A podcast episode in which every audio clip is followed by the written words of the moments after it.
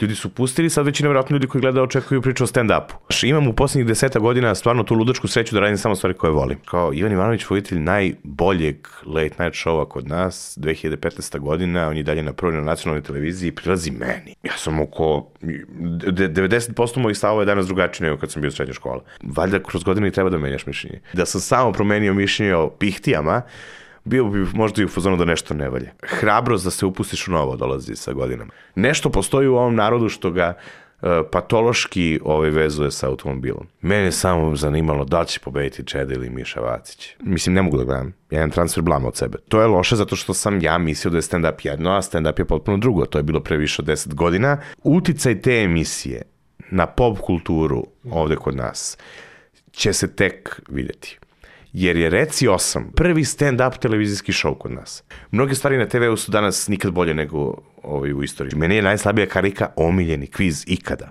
Ali rad na tom kvizu je meni toliko jedna milina. E, toliko mi je lepo da ja da čekam ponovo da radim. Majke mi, predivno je. Ovo nemoj da sečiš. Još podcast 1. Pozdrav svima, dobrodošli u još podcast 1, moje ime je Ivan Ćosić. Na početku hvala vam što ste ovde, ostavite nam neki share, like, subscribe i sigurno imate neku osobu u svom okruženju kome bi se možda dopala ova, ova epizoda. Uh, preporučite nas prijateljima, možete nas podržite, imate join dugme na YouTube ako nas tu gledate i imate linkove do uh, Patreona i Paypala u opisu ove epizode. Takođe, hvala našim sponsorima.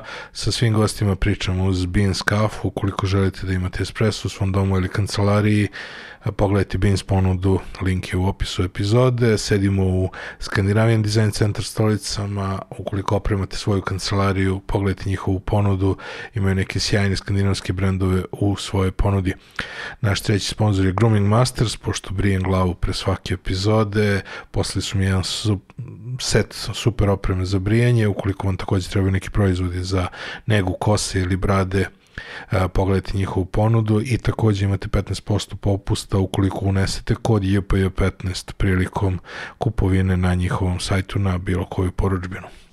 Moj gost u ovoj epizodi je Filip Ugrenović, stand-up komičar, scenarista, voditelj, jedan sjajan lik, upoznao sam ga na večeri novog materijala u Ben Akibi, gostovao je u Buckas podcastu kod nas i želeo sam da ga ugostim ovde jer je osoba koja jako mnogo zna o medijima, mnogo ove, veoma je zabavno razgovarati sa njim i hteo sam eto da ćaskam sa nekim u ovako jednom ambijentu, da ne dužim dugo, uživajte u ovom razgovoru. Nije Ugrinović. Nije Ugrinović, to je najbitnije. Nije Ugrinović. Mm. Je li to najbitnije? To, brate. Ha? Sad seća, pa nema, znaš, kao, dešava se ljudima da imenjaju ime i prezime, znaš, kao Filip ne možeš da zajebeš, Filip, Dobro. Filip, ali Ugrenović, Ugrinović, Obrenović. Obrenović si dobio čak. De, ne, brate. Znaju neko mesto kod Beograda? Kako? Znaju da je neko mesto kod Beograda. Da, da, da, da, da su Ugrinovci ili Obrenovac, da. da, da. Filip Mlađenović. To je to. Imaš i to. Lazarević. Pa ne, ne, ne, nego sad kao idem redom, Palilulac. Aj bre, dobro mi je došao ovako. E, bolje te našao. Hvala ti na pozivu, dugo sam ga čekao, ali mi je drago da sam ga dočekao. Dosta si malo u podcastima. Kako? Dosta si malo u podcastima. Dosta sam malo snimio podcasta? Da, da. Gledao sam Tutu Rap i kod nas u Buckastu, ali mnogo mi se dopalo, zapravo ja sam odmah nešto vezano za Buckast, da li pre ili posle sam odgledao epizodu u Tutu Rapu Mm -hmm. i oduševio se ono, kao Super, super. širinom onako medijske priče i svega Super je, super, meni baš to gostovanje drago. Baš Ako mi drago se gostovanje. dopada Filip, molim te, ti, ti imaš bolji radijski Šta, šta, šta? Ako vam se dopada ovaj podcast, pogledajte i drugo gostovanje na Tutorapu. Da. Ukoliko volite još podcast 1, izvolite, kliknite subscribe. Znaš, kao, može ta, ta, ta polu gay varijanta koja je nešto kao zanimljivo za voice-overe, Ja. a može, ako vam se dopada ovaj... Ne, čekaj. Ako vam se dopada još podcast 1, kliknite subscribe. Znaš kao, može ono sve kao da bude. U. Da. Aj, mogu da stignem koliko hoćeš, ali me- trenutno me mrzi. Da.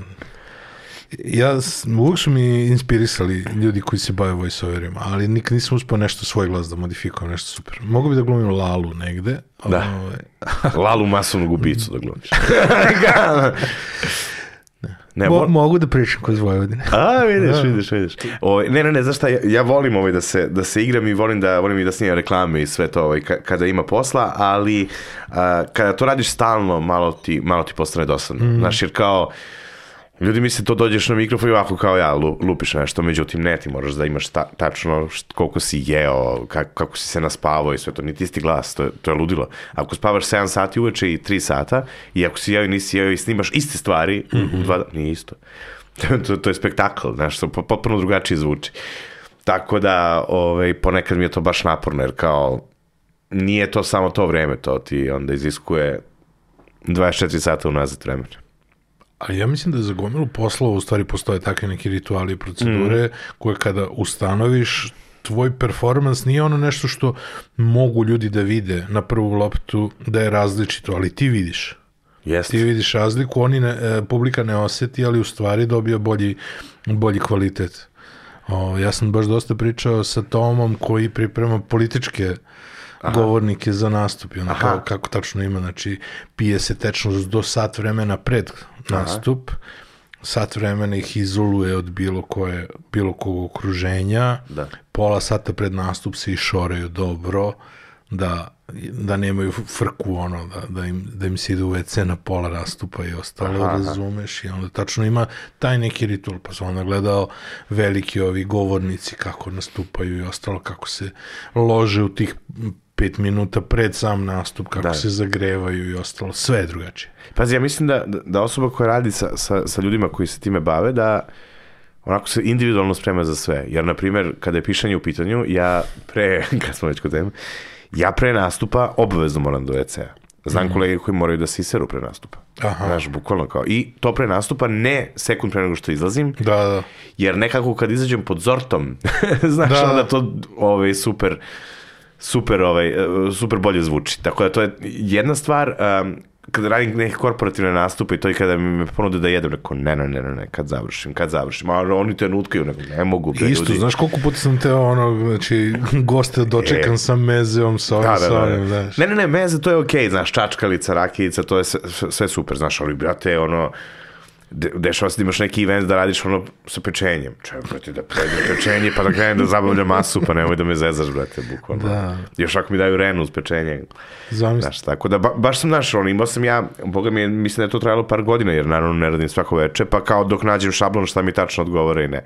I sad sam, eto, posle, mislim, dobro, sad je već godinama tako, ali kao pre, pre svakog nastupa, imam uh, ovaj, ritual da popijem kolu Dobro. i, i ove, rakijicu, a ako je nastup van BG-a i ako sam išao negde, onda kafu, kolu i rakijicu do nastupa. Eventualno ako ne nastupam na početku večeri, ako je grupno pa nastupam u drugom delu večeri, onda su dve rakijice. I to je to. Posle nastupa, bajo moj, možeš šta hoćeš, razumeš. Ali pre nastupa uvek tako. Znaš što mi je bilo najteže za predavanje? Kada idem na konferenciju na kojoj treba da govorim i kada sam jedan od predavača Dobro. i vozim do konferencije, ono, u tišini, ćut, ono, Da, da. Ovo, ćuteći, i bez obzira koliko se pripremim kada iz te tišine, znaš, on kao odeš, sedneš u neki red gde čekaš sad svoje predavanje Da, da, da, da. i treba na tom predavanju da izađeš i da pričaš, iz te tišine da kreneš da pričaš, znaš, on, od nule, što bi se reklo, potpuna inercija, je najteži deo priče. Jeste, jeste. Znaš šta je još zezno to? Kada ideš na, a, na, na neko gostovanje ili na neku tako šljaku u, u društvu koje ti ne prije. A to se dešava, na primjer, neka agencija nešto organizovala i kao organizovan ti je prevoz iz mm -hmm. BG-a do ne znam dokle. I onda sada ti dolaziš pola sata, sat pre, pre posla, a iscrpljen si energijom od nekih ljudi. O, Natovarili tu s putem. to je, brate, mili, to je, to je baš pakao. Znaš, super kad ideš, znaš, ono, tipa Olman i ja smo dosta se, mislim, znaju ljudi koji Olman naravno ovde. A, vozili smo se često i sad, mi smo toliko bliski, toliko se često čujemo da smo ponekad u fazonu da ćutimo sve vreme. Znaš, jer kao više nemaš Aha, ni čemu da aha. pričamo. I onda pustimo muziku, odvrnemo u kolima, ali pustimo fazon ono Bojana Milanovića ne pali svetlo, zaključaj vrat. Znaš, kao ili, ili špicu iz policajca s Petlovog brda. Mi se toliko izložimo tih, ono, Da, ne znam da, da. koliko minuta, brate, posle toga možemo da radimo šta hoćeš. Tako da, znaš, jako je važno kako se pripremaš tu, s kim se pripremaš. Meni je super nekad i sam, primjer, kad radim u Novom Sadu, često mm -hmm. odem Sokolom. Aha. Jer kao, brate, 36 minuta, pritom živim tu jako blizu, ove, 36 minuta da dođem do Novog Sada, a ovamo mi je sat i 15 minuta, ono, svaki minut je dragocen kad ideš negde da radiš. Da Naravno, razumemo. naravno. I onda brate u Sokolu slušalice u ušima pustim neku repčinu ili nešto što mi odgovara, uglavnom mi repčina odgovara pre nastupa. I dođem, brate, i onda od uh, ove stanice do, do centra Novog Sada i pešaka, ja sam došao, ja sam toliko srećan, jedva čekam da krenem da, da ispržim. Tako Da, tebi taj energetski deo ovaj, da. dolazi, ali ovo, znaš, mi- mislio sam i na ovaj tehnički deo, znaš, kad si pomenuo hranu, kad si pomenuo Da. zagrevanje, ono, glasnih žica, ovo, ono, zagrevanje usta za priču i Da, ostalo, to to, to mnogo znači profesionalcima. A, Mi smo počeli da snimamo, a? Da, dobro. Pa ne, volim da uđem tako. Da, da, ovaj, da. Obično prvo, prvo pitanje mi je šta ima novo lepo. ovaj. Da, da. Meni je bilo, E sad, e, pazi, meni si prvo toga- pitanje, meni, Da. izvini, meni si prvo pitanje rekao sa čim ćemo da počnemo.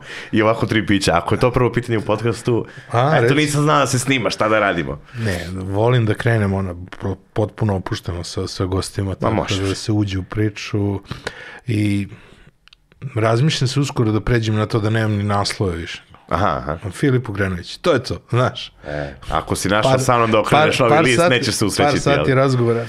Mislim da ću na 150 je ono možda, E. 146 Odlično. Tako da ovaj, mislim da će od 150, jer imam gomilu ljudi koji tako rade različite stvari i onda pričamo o različitim Aha. temama i onda prosto teško je napraviti jedan naslov za, za taj Da, da, da, da. razgovor, znaš, ko, prosto ti si mi gost, časkam s tobom par sati, ko hoće gleda, ne gleda, mislim, znaš, ono, Ima, znaš, kao, e, ma, malo, tu sam nešto čitao o nekoj toj teoriji, ovaj, e, ne u vezi sa podcastima, ali generalno u vezi sa naslovima i e, um, e, ovaj, jako je zeznuto ako ti, na primjer, daš neki naslov, a ljudi očekuju nešto drugo. Na primjer, sad ti i ja, ljudi su pustili, sad već i nevjerojatno ljudi koji gledaju očekuju priču o stand-upu. Da. A ne znam da ćemo, na primjer, pričati možda o nekom mom poslu u medijima, o scenarističkom delu posla, ovome, onome, što bi isto možda zanimalo neke ljude, a onda neće kliknuti jer misli da je moja stand-up priča. Znaš, i onda je baš ovaj, jako zeznuto.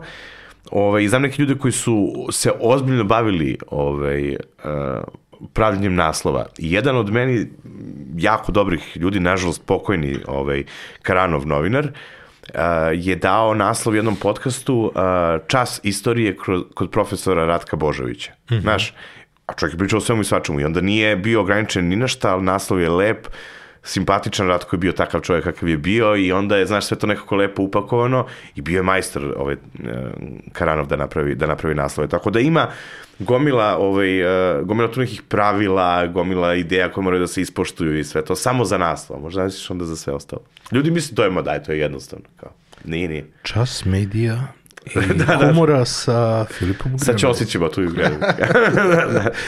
Ove, a, imao sam to i volim da počnem sa šta ima novo lepo. Mhm. Bio mi je jedan gost koji je rekao kao, kad pita ljude šta ima novo, oni obično krenu nešto da, da, ovaj, da pričaju crno i ostalo i onda je Poplavio uveo- mi je stan, To, to, to. a nije zajebanci, stvarno mi poplavio stan. Ne znam da si rekao malo pre. Jesi bre. Ludilo bi. Znači, evo za ljude koji ne znaju, ja sam juče otišao na Divčibare, to je, a ne. To je, aj- le, to je lepo. Ajmo spektakl, ja ne znam, kogog dana beš izlazi ovo? Ovo izlazi u četvrtak. Četvrtak. E, mi snijemo u ponedeljak, to mogu da, Da, kažem. da, može. Pazi, pazi moj vikend. Znači, ljudi misle, ono, znaš, 20-30 uh, godina kad ima čovjek, njegov vikend je ludilo neko živo. Ja sam u petak zaspao u 12. Bio sam baš nešto umoran uveče. I u subotu uh, počeo sam da gledam Seinfelda od prve sezone, onako, a prve sezone su pritom slabiji, nekako mi slabije ide gledanje i ja natran se da ustanem u subotu rano da gledam. I onda me cimaju drugari, mi smo imali neku načelnu priču, ali je pitanje da li ćemo to ispuniti, da odemo u Rumenku na Pihtijadu. Jer sad kreće sad sezona i jada, i to su ludilo provodi. I kao, ajde idemo u Rumenku. Odemo u Rumenku, saznamo da Era Ojdanić nastupa pod šatorom. Međutim, to je subota, a Era nastupa u nedelju, tako da smo ga izbjegli. Ali nema veze. Jeli smo pihtije, tamo su neki seljaci od prethodnih ovaj, jada od prošle godine koji su Dobro. prepoznali moj ortaki i mene, što mi je bilo jako drago. Baš su predivni ljudi koji tamo rade. tradicija. Da, da, da, da, da. I onda tu zablejimo sa njima, sve to odemo do Novog Sada, pošto je Rumenka blizu, na neku nišku klopu, sve odlično, sve super. Odemo posle toga, pošto jedan drugar se, se bavi e, suđenjem ove utakmice, pa odemo na utakmicu Vojvodina a, Niš u odbojci. Znači, ne da me ne zanima, nego mi smo dužno poštovanje svim tim ljudima, ali ne zanima me. Otišli tamo, vratili se u BG, subota 10 sati uveče, ja padam. U nedelju ujutru treba da krenem na put na Divčibare. Rekao, super, malo da se odmorim, da ležim na, na, na planini da me ništa ne zanima. Ja krenem tamo i shvatim da nije put fazon izlet, nego je planinarenje. Ja krenu u ravnim cipelama. Mislim, znaš, kao znao sam da će...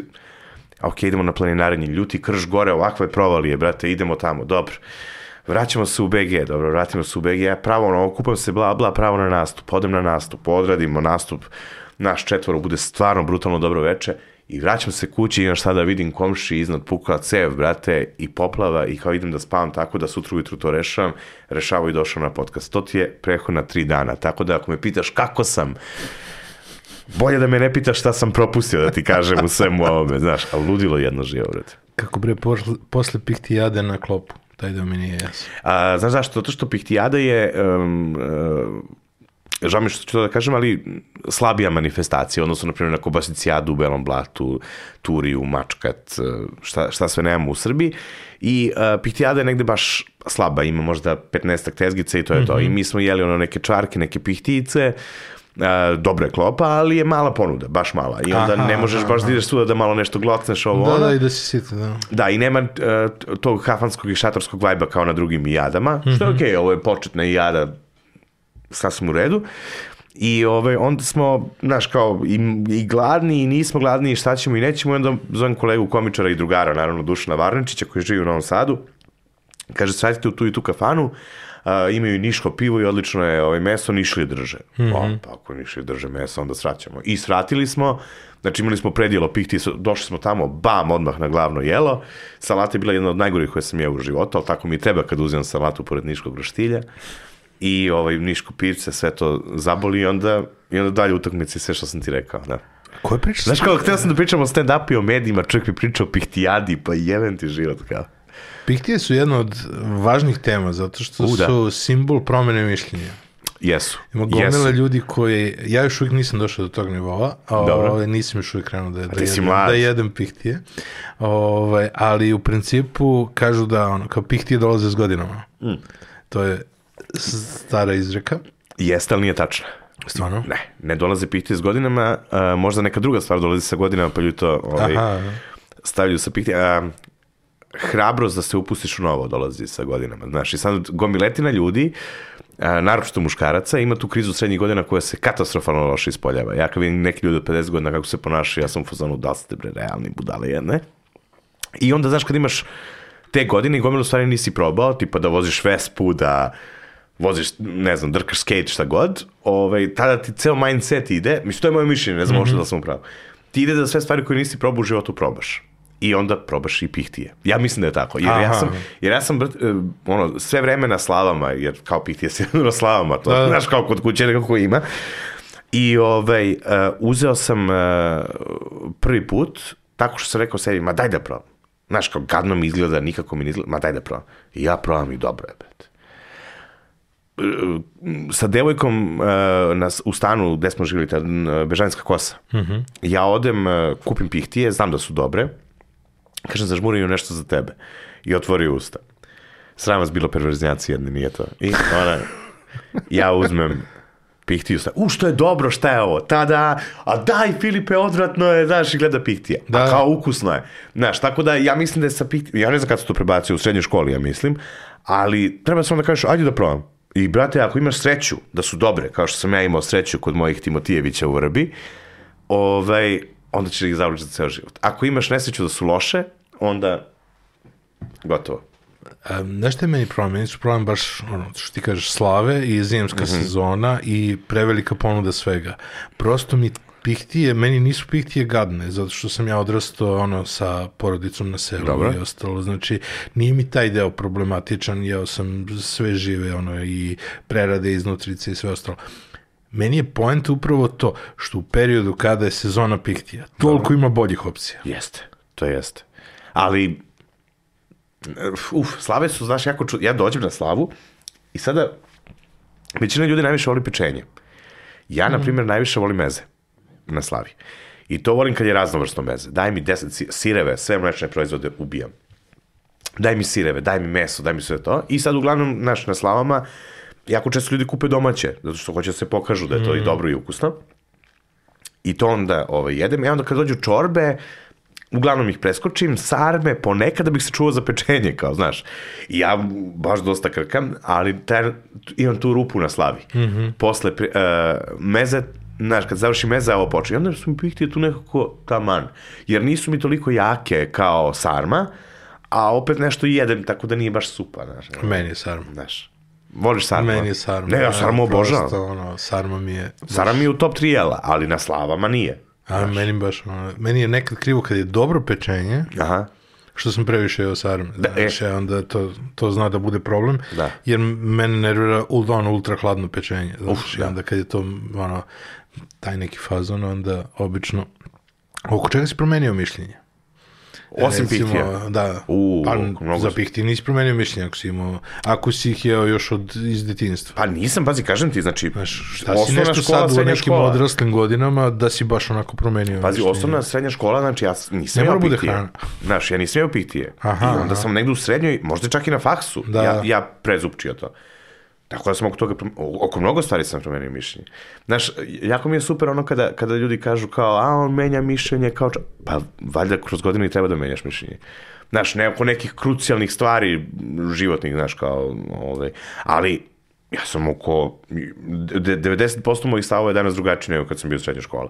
Ja sam, primjer, u srednjoj školi e, da ljudi koji slušaju narodnjake su e, seljaci, džiberi, išao sam na metal svirke, kako sam izgledao sve to. Mislim, ja ide, i dalje idem na, na, na takve ovaj, manifestacije, ali mi je jako veliko zadovoljstvo da odem na IADU. Jako mi je veliko zado- zadovoljstvo da odem u pravu kafanu. U srednjoj školi da me nateraš na to, ma nije bilo teoretske šanse. Znači, Znači, ta borba sa identitetom. pazi, dalje, uh, japanska kultura. Znači, dok je cela moja ekipa u srednjoj školi gledala Goku, Zmajevu kuglu i sve to, znači, e, Digimone, Pokemone, šta god to, ma ništa me nije zanimalo. Pazi, uopšte me nije zanimalo. Nisam mogao da gledam, bilo mi je, vizualno mi je bilo e, neprivlačno, znaš. I onda sam se navukao u nekom trenutku na stripove, znaš, krenulo je tu sa Dylan Dogom, pa ovaj, od Bonelli, Bonelli je lag da te navuča, onda kad zavoliš Bonelli stripove, zavoliš sve ostalo. Pa sam onda krenuo DC, Marvelovo, ono, onda sam došao do anima. I onda sam se malo i kajao što nisam gledao Gokua. S druge strane mi je bilo drago što nisam gledao Goku, jer ne znam da li bih razumeo kao klinac Aha, celu priču. Tako da, na primjer, oko toga sam potpuno promenio mišljenje. Uh, potpuno sam menjao neka politička mišljenja. Znaš, na primjer, ja sam ono uh, izrazito mm, ne, ne znam sad kako to da nazovem, liberalan sam tip, znaš, i, i, i liberalan sam poprilično, ali sam i poprilično patriotski orijentisan, aj tako da kažem. Znaš, Dobro. znači, daleko sam od bilo kakvog nacionalizma, šovinizma, mržnje, čito, ćao, ali imam tu neku ovaj, crtu ovaj, eh, da ne dozvoljam da se uvek govori da smo mi najgori, da je kod nas najgori, tako da to me užasava. Međutim, nisam takav bio kao klinac. Kao klinac sam bio dovoljno lud da sam bio u fazonu ovde je sve najgore. Imao sam 16 godina, od stranih zemalja sam obišao Grčku a, i možda Crnu Goru. U smislu možda to već tad bila strana zemlja, ne znam. E, to. I ja sam nešto govorio ovde ovako. Na... Čim sam počeo malo da, izvini, da putujem okolo, shvatio sam da nije tako i promenio sam to mišljenje. Ja sam bio toliko lud u tom svom mišljenju, da sam ja bio član LDP-a.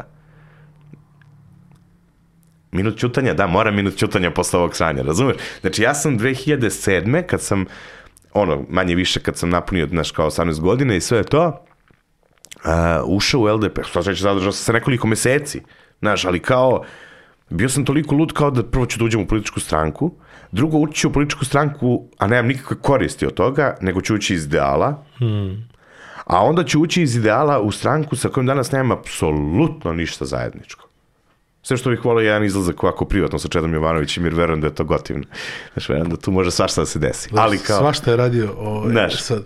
ali kao, bio sam u stranci. Nikad, I to u LDP-u, nikad u životu sad ne bi bio. Tako da, znaš, sasvim je okej da ljudi menjaju mišljenja i da sam samo promenio mišljenje o pihtijama, bio bi možda i u fazonu da nešto ne valje. Sad, znaš, na, na primjer, kao klinca me je smaralo da idem u crkvu. Sa mojima i sve to. I nekako sam baš izbegavao to, jel? Tipa tata je imao taj trip kao pre mora, idemo u crkvu, da se pomolimo da sve bude dobro. Mene je to smaralo. Pa priredbe za Svetog Sava, sve me je smaralo. A onda sam pronašao ne, nešto u toj crkvi što se ne pronalazi uh, u tralala pričama nekih velikih Srba ili ne znam ti čega, nego nečemu što je lično između tebe i vere. Dobro. Znaš, pronašao sam nešto što ne, nema veze sa tim kakvo nam je sveštenstvo, da li neki popuz imam, pa ne, nego što je između mene i Boga. Znaš, i onda sam se tu pronašao i onda mi je baš, bilo, baš mi je lepo da ponekad odem u crkvu. Ali imaš gomilu ljudi koji zapravo nemaju tu duboku introspekciju, nego zapravo se samo svrstavaju u određene e, već preobliko, e, predoblikovane e, formate koje im neko okruženje nalaže i onda oni zato što taj identitet koji oni žele da imaju mm. Znaš, ti si došao do svojih identiteta, ti si došao do svojih nekih novih mišljenja, ti si ti vidiš da si ih promenio. Da, da, Znaš, a gomila ljudi uopšte ne, nema taj proces, nego, ok, ja želim da budem ovo, jednako ovo je spisak stvari koje ja moram da ispuštujem i da u šta da verujem da bih bio taj. Tako je. Tako je. Znaš, to je neverovatan problem. I onda ti, da bi manipulisao tim ljudima, ti ne govoriš njima šta treba da rade. Nego tamo uzmeš nekog njihovog kokua i kažeš da bi bio to moraš to, to, to i to. Da. Znaš, ovaj, samo takvi ljudi rade ovo. Da, uf. Znaš, i onda to je to. Da, da, ta rečenica mi je ono, uf, ta rečenica samo takvi ljudi, samo to, to mi je ta, ta, takvo generalizanje da ne, nema, Da, znaš, ili mi Da. radimo to tako. Znaš, ono, sa busanjem u grudi. neverovatno, neverovatno, to su, I, a i nevjerojatno je teško izaći iz identiteta. Znaš, to sam ja provalio. Znaš, ko najviše krši e, odluke o zabrani pušenja u, je- u ustanovama i ostalo? ko? Starije žene. Stari, dobro? Zato što je 50-ih, kada su promovisane cigarete ženama, Bernays je napravio da žene posle nekog jednog od skupa protestnih i ostalo izađu i zapale cigaretu protestno. Aha, dobro. Znači, taj id- identitet žene koja se bori za svoje, koja želi da živi od svog rada i od Dobro. svega, je identitet buntovnice. Aha, aha. Ne možeš njima da zabraniš pušenje, jer će oni da krše, jer su one buntovnice. Da, da, da, da, da, da. I onda je potpuna greška, razumeš, da im bilo šta zabranjuješ, toj ženi ne možeš da zabraniš pušenje. Možeš na neki drugi način da, da zameniš, ali ne možeš zabrano. Da, da, da, da, da, da, da. Jer je ona i puši zato što je buntovnica. E, ali istorija marketinga, ja se zanimao za istoriju marketinga, pre nego što sam možda i, i što u životu i radio, ovaj, uh, sa marketinške strane, znači, te stvari koje su u stanju ljudi da ti prodaju i da generacije buduće veruju u tu priču, to je nevjerovatno. Tipa, kola ili kisela uz hranu. Dobro. Ne postoji nutricionista na svetu koji nije potplaćen, koji će ti reći da je dobro da jedeš i da piješ u isto vreme. Znači, gazirano piće. Ne, Dobro. znači, ta varijanta, ne znam, kola i pljeskavica, kako dobro idu, to je tipičan bio marketinški korak Coca-Cola koja je reklamirala svoje piće za uz hranu. Znaš, i ti danas, realno, koliko vas ono ode na pljeskavicu, kao ode do vajeta, kao da uzme pljeskavicu, kao neću Coca-Cola, ne, ne, ne, ne, ne treba. 90% ljudi uzme. Samo zato što mu je usađeno u glavu i onda on to probao. Evo imaš gomilu ljudi koji ne znaju da kažu ne, ali ove, Znaš, bar sad- polovina otpada na ono, znaš, kao, hoćeš, hoću. Da. Znaš, kao, ima gomila ljudi taj upselling, ovaj, kao kategorija gde uh, 50% ljudi neće da odbije zato što ne voli da ulazi u, ovaj, u, bilo, U raspravu, ka, da. u bilo kakvu raspravu. Znaš, prihvatit će samo da završi priču. Ali da, da. Znaš, da, mislim, jer kao, mi smo naučeni, na svakoj reklami na TV-u, ti podsvesno upijaš to da je kola i pljeskavicu idu zajedno. Mislim da se nalaže, ja kod kuće, ovaj, svak, evo sad imam podvarak, moje omiljeno jelo, ja moram da jedem kolu uz podvarak. Znači, mo, prosto mi je tako, ali sam naučen, to, to nije nužno, razumeš za to. Mislim, pogledaj sad, na primjer, mi ovde jedemo hleb uz svako jelo. Da. U, u Srbiji se jede hleb uz pire. To je besmisleno. Znaš, potpuno, ka- a, a u svetu ni, gotovo, znaš, što ideš severnije, pa čak i u ovim mediteranskim zemljama ljudi jedu krompire, ovo, ono, na drugi način unose to. Kao zamenu za skrob, da, da. Mi jedemo hleb. Najjača od svih Još, tih... još je dobro što jedno jedemo uz špageti i ostale Da. paste. Znači, tu, To smo, ne. tu smo bar onako korektni. Za ono. sad. Za sad. Za sad, znaš. Ove, ali a, najveća obmana tog tipa Mhm. a, mi je, ne, ne mogu da setim cele priče, ove, koje, davno sam to čitao, ali kao a, doručak je najvažniji obrok. Znači, čitao sam jako opširan tekst o tome koji apsolutno ima smisla da ljudi e, nikada negdje do, do velike depresije u Americi nisu doručak smatrali e, ozbiljnim obrokom. Mm -hmm. I stvarno ti kad pogledaš i um, značenje reči doručak kroz jezike, na primjer mm -hmm. kod nas je to do ručka, u uh, engleska je to breakfast, znači nešto što ćeš nogu ujutru da staviš. Mm -hmm. Nikada doručak nije bio glavni obrok. Znači, u, u celoj istoriji civilizacije, kulture, svega ostalog, ručak je ono gde se cela porodica okuplja i gde ti, i opet sa druge strane, koliko je zapravo zdravo da ti ujutru se probudiš, odradiš trening ili šta god i odmah krkaš kao budala, a posle, pa čak je i ona lažna izreka napravljena, doručak pojedi sam, ručak podeli sa prijateljem, večeru daj neprijatelju. To, to, to, to, to. Znači, to apsolutno nema, ok, za večeru da, ali kao ovo ostalo nema smisla. Šta se desilo? 20. godina za vreme velike depresije u Americi, ceo sistem puca, sve odlazi do đavola, ali jedna od deset industrija koja možda raste je industrija cornflakesa. I ti cornflakes nisi imao do 20-ih u toj varijanti i onda su oni krenuli sa snažnom kampanjom svuda mm -hmm. da je doručak neverovatno bitan. I evo 100 godina kasnije... I da su cereals. Da. 100 godina kasnije i dalje doručak kao glavni obrok, a ti kao Brate, zašto, ako je doručak nešto glavno, zašto su ga ljudi koji su pravili naš jezik nazvali doručak? Da, da. A, a nisu ručak nazvali kasni doručak?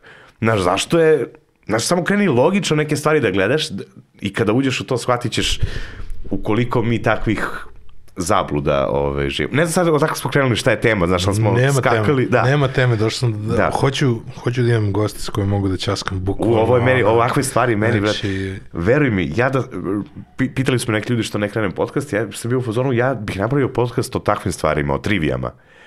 I, ali je suviše kratka Mm -hmm. stvar za podcast i suviše malo sagovornika sa kojima ti možeš, znaš kao neko treba da bude specijalista iz ne znam ti čega, pa da možda mi govori trivije o ne znam ti čemu. Da. Znaš, i onda kao ti si ograničen na 50 podcasta, a onda ti je podcast... Nisi vrtiš gosta.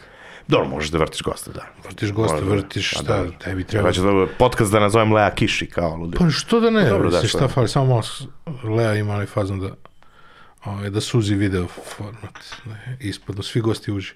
Stvarno? Da, hteo, sam, hteo sam da gostujem kod nje. uvijek ono, to sam baš provalio, da, uvijek je bila kamera nešto smanjena. Ne, ne, ne, ovaj, on je inače super, super tip, ali ovaj, nije to teme, ne veze, okej. Okay. Uh, apropo toga, uh, ja sam baš gledao kako je u stvari Coca-Cola napravila, napravila Božić. Aha, da, da, da. Božić je bio ono kao trećerazredni praznik. Mm. I kako nikoga nije, tipa pre vek i po, i ostalo. Uopšte se nije slavilo toliko, jer osnova hrišćanstva je uskrsnuće. Tako je, uskrs je centralna... To, bi, to je centralna tačka hrišćanstva. Da, i sve stare priče su bile da je praktično ono, ok, godina se kalendarski računala od 1. januara, ali je sve počinjalo prolećem. Tako je. I tad je i uskrs, i tad je i sve i ostalo. I Coca-Cola je zapravo imala problem uh, da nema prodaje zimi. Dobro Tako. se prodavala preko leta i ostalo, Naravno. pili su ljudi Coca-Cola, međutim nije se, do, nije se dobro prodavala zimi i morali su da naprave neki efekat i oni su Deda Mraza napravili od tri različita karaktera. Od Klausa, od St. Nikolasa i od nekog danskog, ali njihov Božić zli Božić Bata, otprilike varijanta koji, Grinch se, neki fazon, koji se spuštao kroz uh, odžak. kroz odžak i nešto kao I krao poklone i da, to. Da, aha. i kao mažnjavo poklone i ostalo. Ja znam, o, imaš ono, fotke koje su retuširane sa početka veka. Mm. Znači, ja sad ne znam, mnogo pričamo koliko da je 1890 i neke, ne, ne znam kao kad je nastalo tačno, nije ni bitno, ali kao retuširane fotografije Deda Mraza, ili ti Božđi Bata Santa Kloza, šta god mm. sa početka veka, ti vidiš Deda Mraza i gomilu vilenjaka i svi su zeleni. I Deda Mraz je negde u jednom trenutku postao crven sa zelenim nijansama. Jer kao, kako je postao, pa tako da, je postao. Da, ali smo mu dali boju. Tako je. To da. je To je ovaj, nevjerojatno. A ne, za, a za Božić, za Božić mi je tek fenomenalna priča bivših komunističkih zemalja. Znači, Božić je hrišćanski praznik. Znači, Božić da. je podjednako važan uh, i, i u pravoslavnoj i u katoličkoj ov, i u katoličkom delu hrišćanske vere i u svim protestantskim, znači prosto Božić postoji kod svih. Cela Evropa je uvijek slavila Božić kao centralni praznik. I na primjer, Božićna jelka koja dolazi sa zapada iz katoličke kulture prvenstveno, je bila jedan simbol Božića, što je i danas u toj kulturi. Međutim, istočna Evropa, odnosno komunistička Evropa u dobrom delu 20. veka, a, je a, za centralni praznik morala da ima nešto što nije religijski obojeno i nije imala Božić, nego Novu godinu. Međutim, neki običaji nisu mogli tek tako da otfikare Da, da. i onda je u a, Sovjetskom savezu i u svim komunističkim zemljama, u što uključujemo i nas, jer tako je, Božić prestao da bude centralni praznik zimski, već je centralni praznik počela da biva Nova godina. Tako je. Znači, ti sad ovde kod nas, na primjer, e, imaš na, na TV-u srećni novogodišnji i božićni praznici. U zapadnom svetu imaš Merry Christmas. Znači, Božić je centralno, imaš srećno Happy New Year, Merry Christmas. Ovde su neki božićni praznici. Koji su to praznici? Mislim, ima badnje veče Božić, ali kao novogodišnji praznici. Koji su novogodišnji praznici? Nova godina, brate, nemoj me zezati. Ok, množina, Znaš. množina je fel tu, Uba, ok, ali, ubacuju i sad šta se dešava? ali realno slaviš više dana, znači, tako da. Ja, ok. brate, meni, meni kuća će da bude oki, okićena do, do, Do Uskrsa, da, da. do ovaj, dana zaljubljenih jer je slatko i lepo, a onda posle toga i ajde moj dan državnosti Srbije, pa što da ne i 8. mart. Znaš, mislim kao, kad smo kupili u Pepku toliko poklona. Ne vez. Hoću da ti kažem. Pepko, da. Kako? kao Pepko, Pepko. Kao nismo buckasti. Kao, O, da.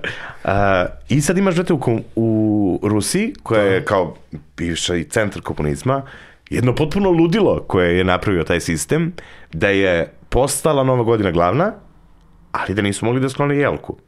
I sada imaš novogodišnju jelku, znači to je potpuno drugačija jelka, to nije više božićna nego novogodišnja jelka, Da. što se jako često čuje i kod nas, i vidiš džamije po Rusiji koje imaju jelke unutra. Jer, znači, bukvalno pronađi na, na Google kao džamije sa jel... Zašto? Jer da. slave novu godinu.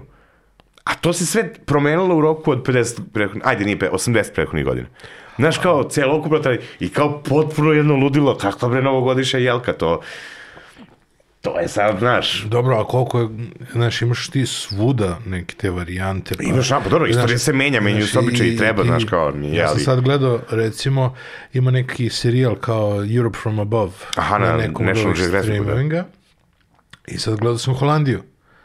I recimo u Holandiji imaš da dva dela Haga, a, dva pale najveće lomače koje postoje. Aha, I aha, onda to kao takmičenje ko napravi veću lomaču. aha, aha, aha. Tako da, to je jedna stvar, a to potiče od... A ovde ovi naši dušebrižnici, kao nemoj, zašto palite lomače, zagađujete vazduh za Božić? Da, da, da, e, kao, reci- kao, e, ali gledaj- zamislite to u civilizovanom svetu, evo ti Holandija, prijatelju. Znaš, evo ja nisam znao, ali evo ti Holandija.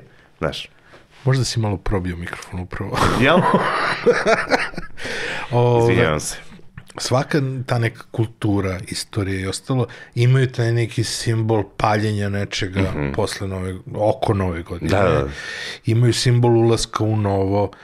Recimo, eh, u drugom delu Holandije imaju da se zalete u ove, i to gomila eh, sveta ima da se zalete u hladnu vodu, ovi koji su na morima. Aha, aha. Znaš, oni kao krenu Mislim da znam, razumeš, da. pa se skidaju, razumeš.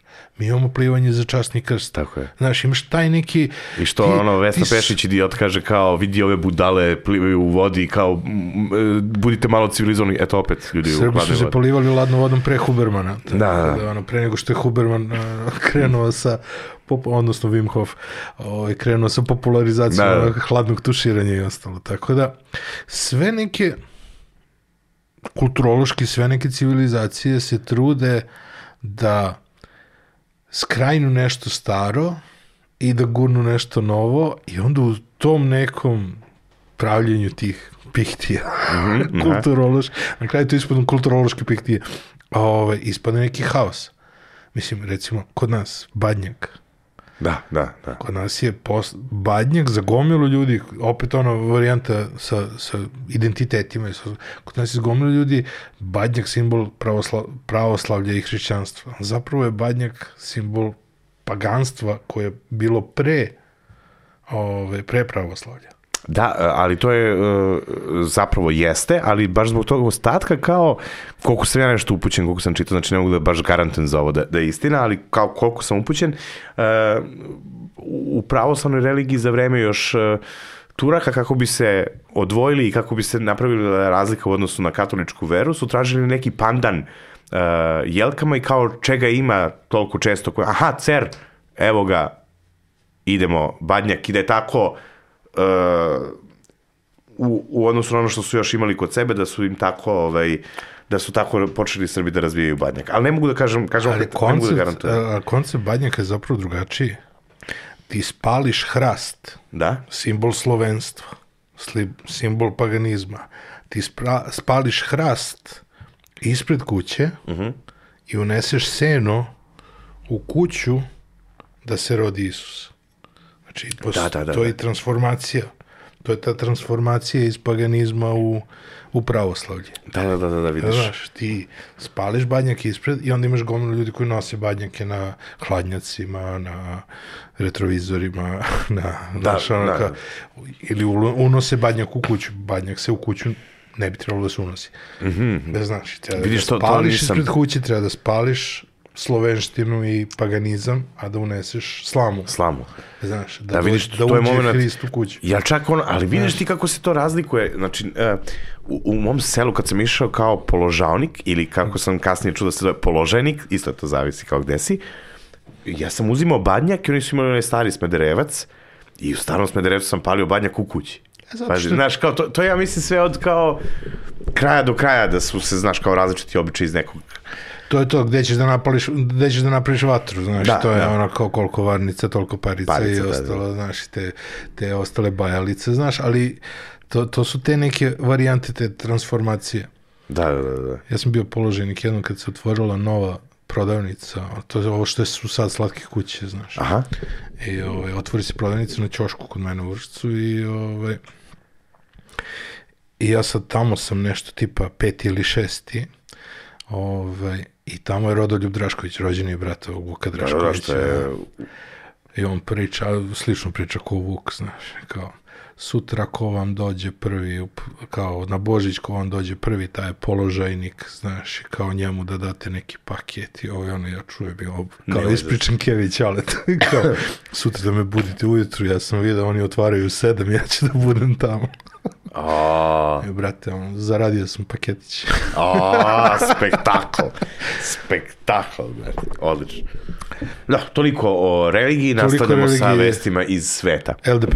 LDP. A, ko bi pobedio između Čede i Miše Vacića? Znaš ti koliko je meni to žao? E, Što se nije dogodilo? što se nije dogodilo. Znači, ljudi su se neki cimali oko toga šta će biti na izborima, ko će preći, ko će...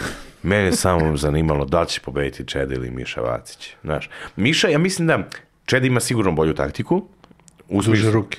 Pa da, ja mislim da bi on više išao tu na varijantu, e, možda bi mogao ovako da ga udarim malo kurvinski, malo bi ga možda malo bolelo, pa bi ovako, pa bi na kraju pobedio. A Miša bi bio u fazonu kad ga vidi, on bi sve vreme i Znaš, tako da bi bilo napeto, a mislim da bi na kraju Čeda pobedio isključivo zbog neke svoje taktike koju bi imao. Ali evo ja stvarno ovaj, u duhu pravoslavlja i mog bivšeg članstva u LDP, to pozivam zaista još jednom Mišu i Čedu da se nađu. E, nema izbora sada, ali mislim, možemo Ne, naći bilo koji ne, povod. ja mislim da treba da naplaćuju karte. Naplaćuju mislim karte, da te karte treba da idu u Humanitarne dobro, svrhe za- humanitarne svrhe. za lečenje onog koji Razumeš, izgubi, i, da. I moramo da uvedemo taj celebrity deathmatch. Brate, ali to bi tako bilo dobro. Meni je stvarno žao, mislim, sad ljudi misle da se ja zed... meni je stvarno žao što se to nije desilo. Mhm. Znaš, meni je stvarno žao što se to nije desilo. Mislim, i to je moglo da krene da bude jedna tradicija, i to, to ne samo između muškaraca, nego može između žena, što da ne. Zamisli šorku, samo, pazi, Ne, žena na ženu, okej. Žena na ženu, naravno, pa naravno. Samo, samo da, da Ali- budemo jasni. Naravno, ali Da ne, zamisli bude, ti- da ne bude neki muškarac Zamisli ženu. šorku, Marinika Tepić i Nataša Jovanović. Iz radikalaša sad u SNS. Dobro. Zamisli njih dve. Pa to je duplo više ljudi plaćalo. Ili zamisli Šorku, re, recimo ovako, a, Pavle Grbović Dobro. iz PSG-a i Luka Hebera iz SNS. I Lav Pajkić. Lav Pajkić. Zamisli to. Zamisli tu Šorku. Uuu, to bi spektakl bio. Ili, ili ne, Šešelj i Čanak, da, Gomili za opoziciju bi plaćale. da plaćao, ne možeš da veruješ. Ne možeš da veruješ šta bi sve plaćao. Ne možeš da veruješ. Ili čak, ma, mislim, to bi trebalo uraditi, znaš. Mislim, na kraju krajeva oni bi na kraju i dobili, znaš, neke tu simpatije, vrlo verovatno. Tako da što se mene tiče, I ja mislim da bi to totalno obrnulo na političku scenu u Srbiji. apsolutno, da. Mislim, nekoga bi bukvalno obrnulo, znaš, mislim. Da, da. Znaš, ali, brate, zamisli Dobrica iz, iz Ne dajemo Beograda se potuče sa... S kim bi on mogao? Hmm? Pa sa Boškom možda, a? Sa Boškom iz dveri. Pa ne znam, prevelika razlika u kategoriju. Misliš, a? Ja, ali recimo Dobrica ili Lav Pajkić bi bilo dobro. I to bi bilo Dobro dobro, da. sad. Da, ili Milica Zavetnica i ova Bilja što je meni bila na, na fakultetu profesorka što je sada u, u Morama. Uf, to bi isto bilo zanimljivo. Znaš, Čuta i, i o, ko je onako tu malo... Čuta i Kr, Čuta i Orlić. Čuta i Orlić, da. Da, i ili. Krle, što da ne. Ili Krle. Krle da ne. Politički... Dobro, da, nije, da. On nije. je smetao. Da, nije. Ali da, vidiš, to, to je baš, baš zanimljivo. Baš je bilo super da se to napravi da kao bi Krle neka... dovati da bude komentator. Uf, da. Ili Marić komentar. Dobro, veše, boks. Zamisli ga. A Marić je onaj... Rumble, ona- ona- Mariću pada mikrofon sa plafona. da, da, da, da. Ili zamisli obućina da komentariše, brate. To je ono ja nešto stand-up. Zamisli obućina da komentariše. I dobro veče, evo, Ne, večere. obućina radi review. Da, da, u, da, Da, da, obućina kako bi radi onu bilo- kao, onaj kao, onaj, A. šo, onaj, kako se to zove, spotlight kao varijanta. Znaš, jer imaš ceo onaj kao celebrity deathmatch veče Da, da, da. i onda obućina radi review, razumeš, A, ono da, kao da. Naj, best of. U, to, evo, brate, evo odlična prilika. Stvarno odlična prilika. Ljudi bi prestali, evo, prvo ljudi bi prestali da gledaju realitije, To, to, to. koji svi sve žuljaju, odlično. A, drugo, verovatno bi bilo povređenih e, političara, što isto nikome ne smeta, se možda njima. Pa dobro, brate, pravilo UFC-a, mislim, šta? Tako je, nema, nema udaranja o lobanju, zato što su neki već udareni u glavu, pa ne bi bilo fair. I, Potiljak, da, da, da. pa pare se skupe ovaj, za lečenje, ne moramo mi slati poruke za decu Da, ili tako pobednik nešto. bira da idu. Pobednik bira gde idu. Tako je, odlično. Znaš, Ma ono, odlično. ovo, totalno bi zamenili ovo SMS lečenje, znači ja mislim da bi to ljudi plaćali ono mnogo više nego, Super. nego SMS. Eto ideje za emisiju, eto ideje, nadam se da i Žek Đuka i možda gleda. Srđan Milivojević, zamisli. Uf. Teška kategorija. Da. Ili Vulin protiv Vulina i Vulina, njih trojica. Se sam bi. I svi plaćaju. I izgubi. Ne, Nije ga volio sudija. da, nije ga malo sudi. Ko isto Vulin. Da, da. Ne, ali to, to, to sad, eto, eto ideje za razmišljanje. Si položio konačno. Šta, za vožnju? Ja, ja, kako ne. Gde sad Kadinalović? Gde sam bre, gde, sam položio za vožnju? Nisam. Mislim, dok, kad se bude emitovao podcast, možda ću i do tad položiti, ali za sad nisam, nažalost. Aha. Znaš, zato što um, sve, sve ovo što ja sad govorim su izgovori, objektivno jesu izgovori, ja znam da su to izgovori i znam da me zapravo mrzi, ali um, mrzi me da polažem vožnju iz jednog jako prostog razloga, što imam 20 drugih prioriteta u životu i ne, neke stvari koje su mi bitnije. Ja znam da sad mene gomila vozača ne razume, ali Ali suludo biti vozač danas. Pa ne, nije mi neophodno, znaš, mislim na kraju krajeva i ono, znaš, za, za dužo putovanje imam drugare koji su, eto to, za, što sam išao u Rumenku na, na Pihtijadu, drugari su vozači, imam kako da odem, ako ne na kraju krajeva to su autobus, jeste, nek, mislim, ali, znaš, nije mi, stvarno mi nije to prioritet, ali hoću, jer znam da moram, znaš, mislim, znam da mi je, da će mi u nekom trenutku biti nužno, ono, kada dođu klinci i tako to. Tako da, nisam još hvala što me potičeš, ali hoću. Pa znam da si već pričao o tome i onda ovaj, sam te da vidim dok si stigao sa tim. Do ideje. Do ideje, da. A kad vidiš kako je parkiranje, znači ovo je ludilo. Ma, ajde, uopšte, mislim, Ovdje su počeli, počeli su ljudi da imaju već treći auto ono, po porodici. Da, da, da. Sad sam bio u Češkoj ovaj, na, na nekom putovanju i jedan stvar je uporediti Srbiju sa, sa zemljama koje su brutalno razvijene. Znaš, kad odeš u Švedsku, pa vidiš kako se tamo živi, jebi ga, brate, to je stvarno neuporedivo. Ali odeš u Češku, koja je do pre 30 godina bila kanal u odnosu na nas. Znači, nije to neka civilizacija, ne znam ti, mislim, jeste, ali kao nije do skoro bilo u nekom ekstremno boljem položaju i male stvari koje mi pešaci vidimo, vozači slabije, očišćene su ulice, a su očišćeni trotoari do pola, da mogu i pešaci normalno da prolaze. Ovde se svake godine u vestima priča o tome da li su ulice prohodne, da li mogu da idu kola. Niko ni jedne godine nikada nije pomenuo da li su se očistili trotoari i ko čisti trotoare. Nema priča o tome. Regulisano zakonom, nažalost. Regu, regulisano je zakonom da ti moraš ići se svoje kuće, da. a na javnim površinama, znači na primjer kroz Vojvode stepe, gde kao ni- nisu kuće, nego su kao zgrade, i to, to mora država da, da radi. Država to ne radi. Ne, isto imaš pravo na, isto imaš za većinu tih trotoara Dobro. postoji obaveza a, znači direktno onih koji su koji izlaze na taj trotoar. Za većinu trotoara je država regulisala da nema ove, Čekaj, bre, ti ako kreneš od Slavije do spomenika Stefanu Nemanji dole. Nemanjinom, znači cela Nemanjina Dobro. i sa jedne i sa druge strane. Da. To su sve vladine institucije i državne To bi sve zgrade. trebalo na to bi sve njihove- trebalo država da očisti, apsolutno Je li očišćeno? nije. Pa nije. Mislim, Znaš, ne znam, I nigde da- ti u vesti, mislim, to nije tema sad, to je tema i pre 15 godina i u... Nikad se, brate, ne govori o tome. Čak i da ne mora država, mislim, ne zanima me ko. Čovjek je vlasnik kuće, treba da očisti ispred svoje kuće. Mi nikada nismo... Nekad periodično se nešto desi, ali kao, ma, to nije bitno da je da se očiste ulice. Brate, u civilizovanom svetu, znači, postoji pešak je najbitniji, pa je gradski prevoz najbi... pa, pa su bajsevi i sva ta ekološka vozila bitna, pa gradski prevoz, pa automobili. U Srbiji najbitniji je automobil. Najbitniji su vozači automobila. Samo da auto može da se parkira. Pa su sad dozvolili, dozvolili lekino brdo na šta liči, brate. Ljudi parkiraju po trotoarima. Razumijem ja nemaju gde, ali šta je sa pešacima? Žena sa kolicima ne može da prođe tamo, nema teoretske šanse. Nigde na lekinom brdu. Na Znaš, gomili mesta kolica ne mogu da prođe. gomili Ako ne mesta. mogu kolica, ne mogu ni invalidi i onda... Znaš, i kao ljudima je najbitnije sad vozači, vozači, daj mi mani me, mislim, ajmo malo da razmišljamo logično. Prvo ja kao čovjek moram da imam mogućnost peške da odem negde, pa onda, ako već ne, onda ću, znaš, Ali su ozbiljne kazne, ja mislim da je to regulisano zakonom koji niko ne niti kontroliše, niti primenjuje. no. Znaš, znam da smo mi to nešto gledali, ono, kad smo se ovde uselili, da je bila varijanta, ono, kao je kupujemo lopate i ostalo, čistimo ispred zgrade i slično, šta, šta sve mora, jer on dođu, ka, mogli, mogli bi da dođu i da naplate kaznu za celu zgradu.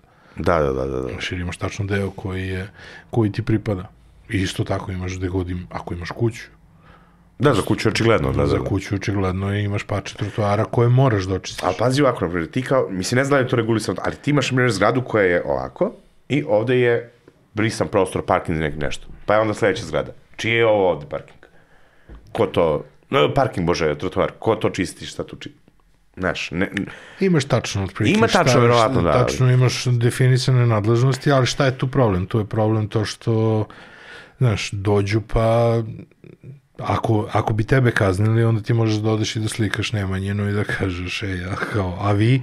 Da, i ništa. To Ali je- da, znam da, na primjer, ako rokneš na led, možeš da tužiš živo i dobiješ pare. Kao Da. da. kad ujede pas. Znam da je to varijanta. Ali mene nervira, znaš to, što u medijima ti kao, uh, ono, odeš da, da, da, da uh, vidiš šta su vesti i evo sad znamo ove godine su pričali o, o ovaj, Vesićevoj odgovornosti, prošle godine odgovornosti nekog drugog, pa tamo je bilo o Đilasovoj odgovornosti, jer niko nije čistio Mislim, čak i, ajde da budemo realni, ne može u teoriji da se očisti to baš da bude ovako preko noći čisto, razumeš? Mislim, gde god odeš ima, kad, pad, kad prestane da pada sneg, to se sredi i to je to, ali nigde nije do kraja uvek. Mm. Ovaj, znaš, gledaš da te američke filmove, pogledaj, čim je neka oluja i dalje je sve svud, znaš, Berlin, brate, bio sam kad je bio ovaj, sneg u Berlinu, zakovan grad, brate, bukvalno je zakovan grad. Tako da to se dešava svuda, ali je, Ali koliko ti vidiš na ulicama ljude sa lopatama, mislim, realno, da čisti svoje? Ne vidim. Ali, me, ali znaš što me nervira? Nervira me što je, te. Nervira me što je tema uvek vozač kola, ulica, nikada Redosled, pešak. da, aha, znaš, to me nervira. Apropo one tvoje priče što nisam položio. Mm. Znaš, mislim, da sam vozač, verovatno bi ja imao drugačiji neki ovaj, uh, način razmišljanja, ali me, brate, čekaj malo, bre, znaš, mislim, ovde su kola svetinja, ima odlična knjiga od Vanje Bulića, zašto Bog nema auto. To savjetujem svim vozačima da pročitaju. Znaš, i ono baš lepo opisuje kako su Jugosloveni uh, pravili od svog automobila ono, drugi dom. Pa kao u onoj seriji Šesta brzina, odnosno priči iz radionice sa Zoranom Radmilovićem. Aha, Pa imaš Miću Tomića koji pravi kuću u automobilu. E, da, da, da, to je skroz. predivna slika našeg mentaliteta, brate. Jebo vas auto. Znaš, pa ne, ozme, brate, evo, uh, u Barsi, na primjer, u Barsi gomila ljudi uh, vozi motore. Mm -hmm. Motore, vespe, mopede, sve, sve, sve. Znaš kako izgledaju? Raspadaju se. 90% tih motora na ulicama se raspadaju, izgrebani, polomljeni, ali obavljaju funkciju. I niko ne ferma, to imam sa drugaricu kad tamo živi, pa sam pričao s njom, to je prevozno sredstvo, da odemo od tačke A do tačke B, ne zanima nas. Ovde kod nas, udari lopta o, o kola, o nešto, malo, ma to se diže ceo komšiluk, bre, šta je bilo, udario me. Znaš, ovde se kola gledaju kao na jednu tvoju imovinu, mm -hmm. što jeste tvoja imovina, ali da ti, na primjer, neko polomi staklo na kući slučajno, loptom, eto, deca koja se igraju, ti bi u fotonu, e, mali ovo, ono, roditelji plati. Da ti kola, polomi staklo na kolima, ti bi trčao za detetom, ju, znaš, kao, nešto postoji u ovom narodu što ga uh, patološki ovaj, vezuje sa automobilom. I nešto postoji u meni što me patološki odbija da položim, ali to je druga tema. Da, ali lju- ljudi koji, koji imaju automobile koji su vredni, oni doživljavaju to isto delom svog identiteta. Da, da, da, Znaš, jer to doprinosi njihovom identitetu i onda je to mnogo važno. Znaš, mada ovaj, ja nažalost vidim mnogo veći deo ovih, ovog dela koji imaju ko ovi što imaju motocikle u, u Barsi, ovaj, da smo postali ono kao tipa groblje Evrope ono, za automobile. Jeste, znači, to je neverovatno koliko ima loših automobila okolo. Da. Ali znaš što mi je još super, na primjer, ti e, imaš e, e, po- svetu, ali kao, pr prvo nismo baš toliko groblje. Znaš, kad dođeš na more u Grčku i ti kad vidiš šta oni voze, to ti je tek u fazonu, je Bangladeš, razumeš, ono, ono svaki Dobro. parking je kao Bangladeš. Ali um, e, super mi je što ljudi kao generalno e, imaju službene automobile. Znaš, u Grčku pola automobila je naš. da, da, da, da. Ako ideš u paraliju, prijatelju, znaš. Ali um, imaš poslovne automobile, ljude koji zbog statusnog simbola poslovno moraju da imaju dobar auto, pa kao lupam dve mobilne kompanije, pa ova mora da ima bolje automobile službeno od ovih. Sve to je jasno, ali privatno, jako zanimljivo. Naprimjer, kad odeš u Francusku, u Španiju, u Italiju, tek Sicilija, to je haos, da samo obratiš pažnju koji ljudi voze koje automobile. Uh, najveći buržuji to, bogataši, ljudi koji su jako uspešni, privatno, kad sam sedne u svoj auto, to nije nikakav bajo moj besan automobil od 200-300 hiljada evra. Ali zato jako zanimljivo kada vidiš ko vozi takve automobile po Austriji, na primjer, mm -hmm. ti kad vidiš u Beču takav auto i okreneš se da vidiš ko je, ti vidiš da je to ili neki Jugović, brate, Balkanac, ili neki ono. ono, znaš, Azijatu ili Arapi, znaš, neko ko je došao tu pa je onda radio tu bauštelu, ovo ono i na kraju ovaj, izrađu taj auto. Bogataš koji tamo plaća, ne znam, 300 evra ulaz u operu, on sigurno nema auto od 200.000 evra ili ga ja barem nikada u, u životu nisam vidio. On možda ima vozača koji ima takav auto koji dođe, Kažem, odveze ga i drugo. uopšte se da... Znaš šta, poslovno je druga, druga Pa stvar. dobro, ali i to poslovno nije, nije više poslovno, znaš, mislim, ti imaš gomilu porodica koji imaju diversifikovane svoje Dobro, neke da. portfolije, imaju neke imovine od kojih im se vraća neki interes, oni mogu da priušte vozača. Pritom sad ima i tih super ek- ekskluzivnih ono, varijanta taksija gde to stvarno možeš Da, da, da, da. naručiš da te ne vozi običan taksi. Tako je, tako. Znaš, takvi ljudi mogu to Tako. ovaj, da, da, da, da priušte, znaš. Radio sam sa nekim, ovaj, baš za vreme korone sam radio ne, neki malo marketing za jednu firmu koja se bavi ovaj, tim prevozom ljudi i putnika i sve to i vlasnik je bio ubeđen da će da za vreme korone pukne ceo posao. Međutim, posao mu nikada nije više cvetao, jer su oni bili službeni automobili. Oni su službeni automobili. Znaš, i njima za vreme korone sad menjale su se to je pravila na nedeljnom nivou, fazon, na dnevnom. Ali oni su imali e, dozvolu da se kreću. Kao, na primjer, e, kamion koji prevozi hranu. Znači, ti imaš poslovnu dozvolu da se krećeš.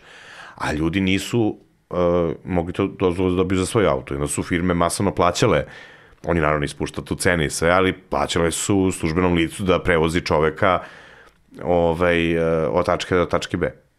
Znači, jer autoput lupom zatvoren, ti imaš mogućnost skretanja kao fizičko lice, ali nemaš kako da ideš na autoput. A ovaj ima mogućnost pa te vozi. Mislim, bile su ovaj, tako neke varijante. Ja znam gomilu ljudi koji imaju svoje vozače, koji su jednostavno u fazonu, imam vozača za svoj auto. Da, da, da. da. Imam vozača za svoj auto i ako idem negde, ono, naročito ljudi koji su, put, su ranije pre Sokola putovali često Beograd, Novi Sad, Sad ili neka druga destinacija koji imaju nedeljno šta znam, provedu dnevno 4 sata u autu, pa onda računaju to nekoliko puta nedeljno, znaš, oni u Meni je Sokol- Što šta- bih izgubio to vreme Da. vo, u vožnji kada mogu, može neko drugi da me vozi, a da ja za to vreme radim na Nešto, laptopu ili odmaram. Uh, Soko je ovaj, jedini, ja mislim, primjer gde smo mi uh, stavili ovaj, javni prevoz ispred ličnog. Znaš, jeste da on ide drastično brže nego što ti automobilu treba do Novog Sada, ali ovaj, mislim da ako tako se nastavi, a verujem da hoće, znači ako krenu da se grade ovaj, brze pruge i kupuju brzi vozovi, čujem da će biti do Subotice i do, i do Niša. Si prvi put čuo izraz brze pruge Srbije. Bio sam da, još nisam ni jeo pihtije. Na, tad, Pre pihtija. pre pihtija. Ovaj, uh, to će biti super stvar i onda će, ja mislim, da i, i krene to malo. Siguran sam zapravo. Pa kažu da ova deonica do, do Subotice prioritet, Mhm. Ali ja bih voleo do Niša. Kad bude bio soko do Niša, idem na ručak i vratim se nazad. Da, da, Bukvalno. da, da, da. Ne, nema, nema razloga, ono, ne sesti u soko i otići do Niša na ručak. Pa, realno treba će ti sat vremena. Pa da, Tako da, ručaš i malo iskuliraš nazad i ćao. tako je. Pričao sam sa Olmanom o Reci 8 Mhm. i ovaj, tad je bilo tek u začetku, sad je već ovaj, Gotovo? sad je već gotovo. Kako je prošlo? Pa, dobro. Objasni ono pa. Znaš, što si pesimista, rekao sam i da je dobro. Znaš. E, to smo snimali u junu u ustanovi kulture Vuk. A, I za neke stvari čovjek ima objašnjenje, za neke stvari stvarno nema. Naprimjer, ona nesrećna audicija na Pinku kad sam ja počinio da se bavim stand-upom, ja sad, kad to, mislim, ne mogu da gledam. Ja imam transfer blama od sebe. Stvarno, to je katastrofa loše. Ali imam racionalno objašnjenje zašto je to loše. To je loše zato što sam ja mislio da je stand-up jedno, a stand-up je potpuno drugo. To je bilo pre više od 10 godina i ja sam um, prosto bio početnik u nekom poslu, znaš. Znači, sad gledao sam moj prvi nastup koji je bio tu na TV-u. I znam zašto je to loše. Ima neki citat kao, ako se ne stidiš svojih prvih radova, ne zna, ovaj, to znači da nisi dobar u svom poslu. Moguće je to. Ima, ja sam neki, stvarno ima mislim, neki tako citat. Da. nije da se baš sad stidim, ali onako, lično se stidimo, da javnost me, ona, nema veze. Sa Reci 8, mi smo napravili, uh, u Vuku smo snimali, znači bilo je prepuno publike, mi smo pozivali ljude preko mreža, plus su i ljudi iz produkcije doveli neke ljude. I sad, znači ja radim ovo skoro 10 godina i znam tačno kad je nastup dobar, kad je loš. Znam tačno kada su ljudi prezadovoljni, a da nastup nije nešto. Znam kako smo ih kupili cakama, a da e, nije tu stvarno bilo tog kvaliteta koji se za takvo oduševljanje publike očekuje. Reci osam. E, ja se sećam svojih nastupa. Sećam se primjer, priče za uh, igru sudbine, na primjer. Ovaj, imao sam neki bit o tome, koji sam specijalno pravio za, za prvu. Ja znam kad sam izašao kako je to bilo izvedeno i kako je publika odlično reagovala i znam da sam čuo u pozadini ljude iz um, produkcije koji su bili u režiji koja je bila iza koji su se smejali. Jako sam ih slabo čuo, ali, A, dovoljno. Da, ču, ali sam ja sasvim dovoljno čuo. I kad se vrati Olman mi prilazi i kaže, brate, šta je ovo? Šta si ovo uradio? Znaš, kao pozadi plače direktorka programa, kao ovo je ludilo, koliko je dobro. Posle su mi pisali ljudi iz produkcije na, na, uh, na Instagramu o, o, o tom bitu i onda je taj bit otišao na TV i to je ništa. Znaš, mislim, to je tako slabo prošlo. Ja sam bio u fazonu, da li je moguće? E sad, kao što imam racionalno objašnjenje za uh, audiciju, tako za ovo nemam racionalno objašnjenje. Znači, morao bi da sednem, da lepo pogledam Dobro. sve emisije i uh, bilo je tu i nekih loših nastupa. Ka, ali kako, kako meriš efekt na televiziji, ne razumijem. Bilo je tu i nekih loših nastupa. Uh ne, mislim, generalno, znači bilo je nas uh, osmoro, bilo je 10 emisija, 80 nastupa je snimljeno. Od tih 80 je i logično da će neki biti loši. Znači, prosto ako imaš 80 proizvoda, posle tvojih 80 podcasta kažeš 20 je, ah, znaš, Da, da. sasvim je normalno. Um, I bilo je nekih loših, ali su uglavnom bili dobri.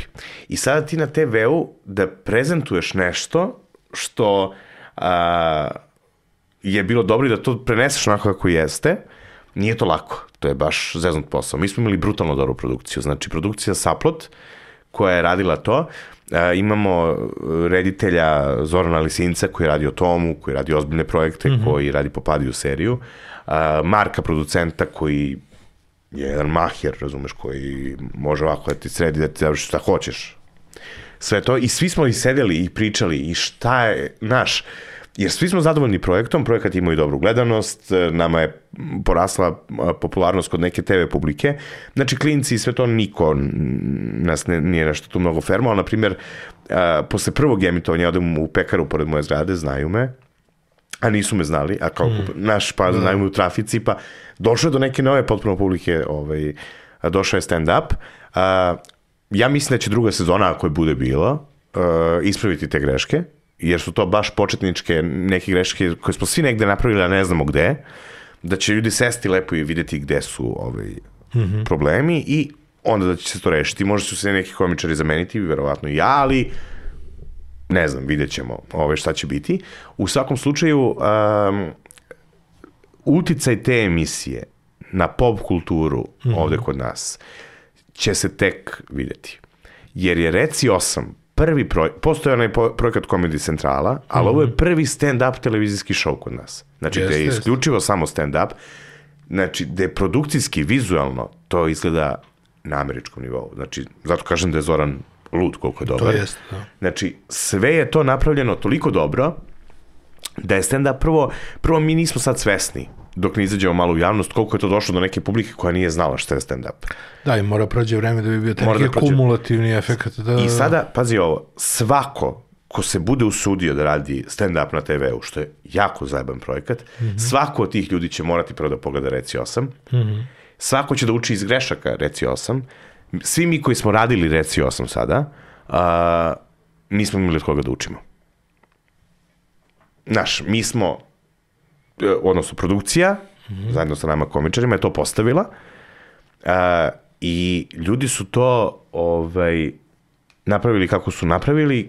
Mislim da, da je uti, da će uticaj te emisije biti uh, veliki na sve ono što sledi. Znaš, jer imaš u, u istoriji domaće televizije mnogo tih emisija koje su uh, doprinele da se nešto mnogo veće napravi.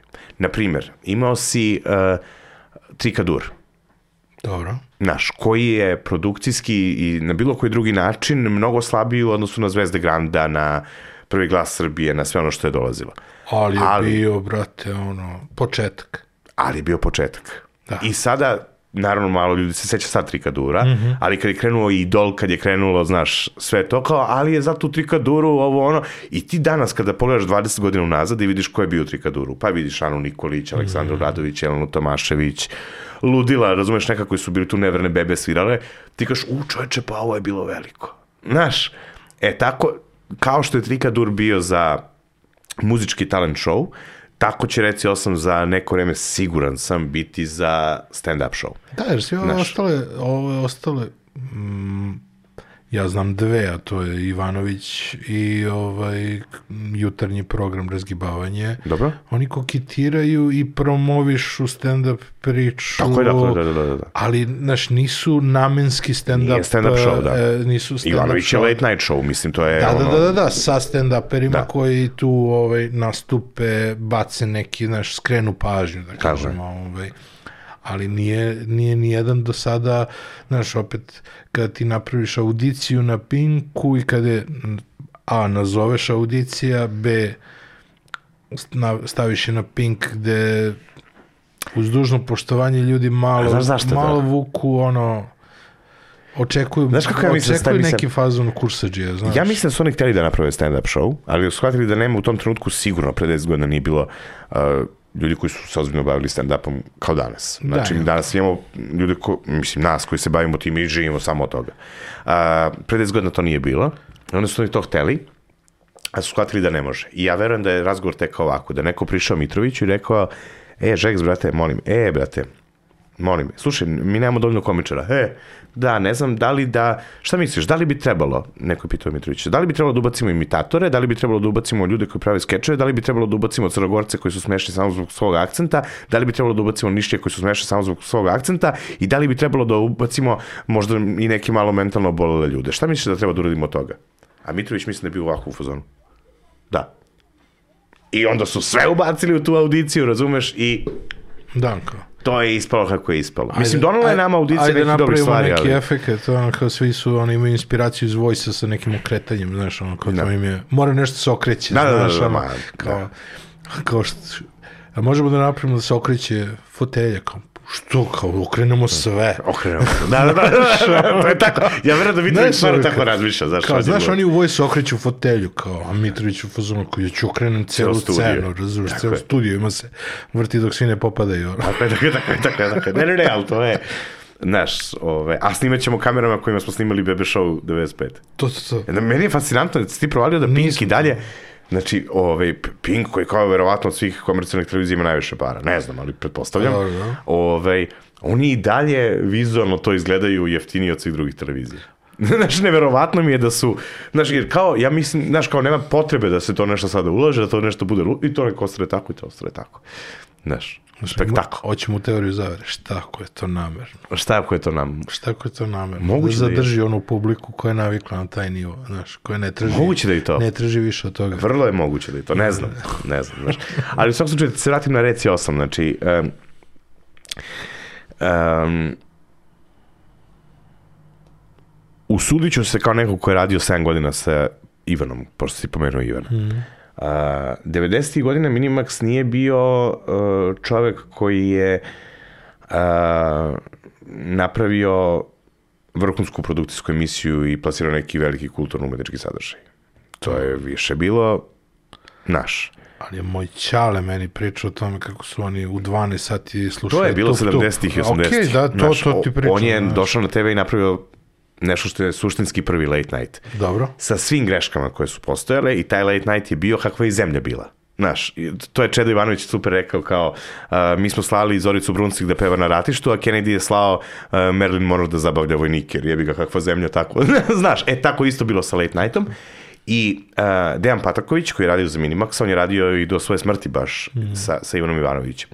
A, ja mislim da je, nikada nismo pričali o svemu tome, ali sam siguran da je uh, uticaj Minimaxa ostao na sve kasnije programe i da je uzeto ono što je dobro, da su ljudi negde imali taj vibe, kako će, šta će i mnogo late night showova između Minimaxa i Ivanovića je propalo jer ljudi nisu to ozbiljno radili kao Ivan, Ivan stvarno brutalno to radi. I šta se desilo, Minimax je sa Maxovizijom, znači ne sa onim stvarima koje je radio pre, nego sa tim, postavio neki temelj.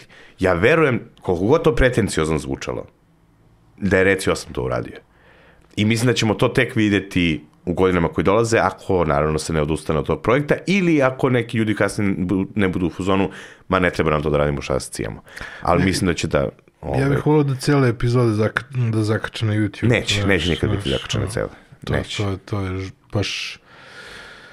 Neće, ovaj, um, neće biti okačene, nije, nije do, do televizije, nije do produkcije, prosto ovaj, uh, neki komičari nisu želi da odustanu od svog materijala, što je Aha. sasvim legitimno. Uh, na kraju krajeva odustajanje od materijala zahteva i velika finansijska sredstva. Znaš, To mislim, reši ugovorom, mislim. što isto, ali mislim da li se to nekome isplati. I onda kada ti taj materijal ostane zauvek na YouTube-u, Ti ne možeš da ga koristiš. tako je. Ali to, o Pritom- tome sam baš pričao sa ostalim komičarima. Zašto? Ja mislim da je ta neka varijanta kao što da je to podiglo Louis C.K. ono u vrh. Jeste, ali Louis C.K. je izbacivao sve te stvari kada je završio sa njima. To, to, to, Znaš, to je ideja. to je ideja. To je ideja da ubrzaš komičara Tako je. toliko da izbaci svoj specijal i da kaže završio sam sa tim materijalom i sa druge strane mu to gradi neku priču. Ja gledam evo sad ovih nekoliko domaćih specijala svi su neverovatno, em gledani, em, Da, da, da. mislim da svaki onako pospešuje popularnost svakog od tih komičara. Jeste, jeste. Ja su stvarno, ne, ne samo tih komičara, generalno stand-upa. Mm. Znaš, jer ljudi dođu, uh, pogledaju snimak, uh, uh, ne znam, Dinčićev ili Olmanov na, na YouTube-u i onda kao, aha, ovo je dobro, aha, stand-up je dobar. Pa onda odem na neki nastup pa vidim, znaš. Ili odem na grupno veče gde nastupa, na primjer, Olman i vidim, e, pa i ovi drugi su dobri, pa ću da idem i na ovo i na... Znaš, širi se. Mislim, Ali to je ta ljubav prema stand-upu koja mora da se razvije, znaš. Jeste, I ti jeste. ja smo se prvi put sreli na večeri novog, Novog teksta, da. materijala. Znači, meni to večer novog materijala zapravo prilika da bude M manja karta, M da pokažeš podršku komičarima, da im Da. daš i neki feedback, ono, je ovo valja, ovo ne valja. Tako da to, to je ono, ali su izzeznute večeri novog materijala. Jer ti nekad nešto izvedeš i prosto se nekako kockice spoje da ti nisi zadovoljan sobom, da a, nije možda pravo vreme da nešto izgovoriš, da možda to izgovoriš u pogrešnom trenutku i mnogo komičara tako odustane od teksta koji je zapravo dobar. Znaš, tako da večer novog materijala mora i da služi, i nama i služi, da, da toliko puta uh, probamo pred različitom publikom, pred, uh, naš, pa, pa nije isto, na primjer, još pet nekih bitova, nije isto kako ćeš da ih rasporediš. Jer pitanje je da li će publika biti spremna na takav šok uh, odmah ili treba malo vremena. Znaš, sve, za sve te stvari služi veče novog materijala, tako da treba, znaš, da se tu vežba, vežba, vežba, da bi se na kraju došlo do...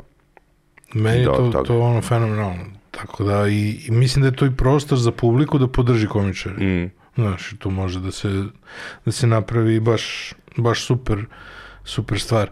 A, apropo ovaj, audicije, Mm.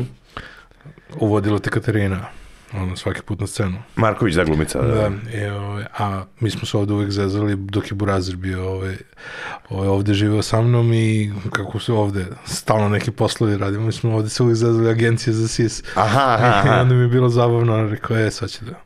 Veruj mi, ja jednu epizodu te serije nisam, nisam mogao. Mora da bar prvu. Ja. Imaš, ima na YouTube-u. Ne mogu. Nikad me nešto nije privuklo baš. Odgledat ću, Da. znaš, ono kao zbog to istorije televizije koja me meni je prva najbolja zato što postavlja sve, znaš. Da, da, to, da. to je valjda njihov pilot posle, ono manje više humor i ostalo. Ali, Da, da. Ovaj, Meni je ljubav navika panika Da. iz te, iz te ovaj, uh, iz tog Pinkovog Mhm. perioda, to je brutalno. To, to, to mi je toliko dobro. To, to je uvelo, znači ono što je ljubav, isto, evo, ljubav navika panika. Mhm. To je bilo 2004. 5. Ne znam, davno je bilo. I mnogima je to tad bilo brzo, šta, ovo, ono. Kad je prošlo 10-15 godina, ljudi su shvatili značaj te serije za istoriju televizije kod nas. Kao svoje vremena otvorenih vrata. Da li će nekada se vrati, nikad izvini. A, pa to piti Srke Jovanovića, on je, kad je on dođe, on je radio na, na tome, Mislim, znaš. to je bio meni, to je meni najjača stvar u istoriji srpske televizije. Stvarno? Da, Da. Pa dobro, mislim, ako voliš političku satiru, onda je... politička satira koja je napravljena na taj nivo da, na tom nivou da možeš takve neke stvari da kažeš na televiziji u datom trenutku, znači i zato su i najbolji, jebi ga. Da, ne, ne, znam, ne znam šta se desilo sve sa, sa ovaj, nikad izvini i tako to. A, neko je to pričao, uf, opet moram da stavim ogradu nisam siguran da je on pričao. A, Srđan Miletić, glumac, jedan od, od tih koji je radio, mislim da je on negde gostovao i rekao, opet kažem, možda i nije on, a, da se Dinkić ljutio, jer Sigurno. je bio mutav. Mm. I sad, kao, svi su imali svoje Svi su se glasove. ljutili. Svi, ne znam, Svi su ljutili. Niko Imali su- nije tamo bio Ja? srećan što je što se pojavio. imali su glasove ove, za svakoga, ali za Dinkića nisu znali kako da skinu glas. I onda je zato on bio mutar. Ne zato što je stvarno mutar, nego kao, eto, fora je, ne znamo kako i neko ostane tako. I tako, ostane onda se on valjda ljutio. Kažem, nema ono, e, ali pazi, um, postoje ti neki političari, uh, evo reći ti, na primjer, Bogoljub Karić, koji su želeli da budu podjebavani. Znaš, i To je ono čolino, su- napiši šta hoćeš, samo stavi veliku sliku. brega, Znaš, samo da. nek se... Ove, Ali znaš šta, to su... Brega ili čola? Brega, brega. Brega. Ali to su, to su jako pametni ljudi. Znaš, uh, sprdaju se mnogo na račun Karića. Karić možda ne zna sve, ali on je uvijek znao da stavi oko sebe ljude koji znaju posao. Kad je pravio televiziju, stavio je Tijenića i napravio je BK. Hmm. Znaš, kao, Karić treba odati priznanje za te neke stvari. I kad je ulazio u poli- političku kampanju, uh, on je video da ga ljudi zezaju za kupu salatu.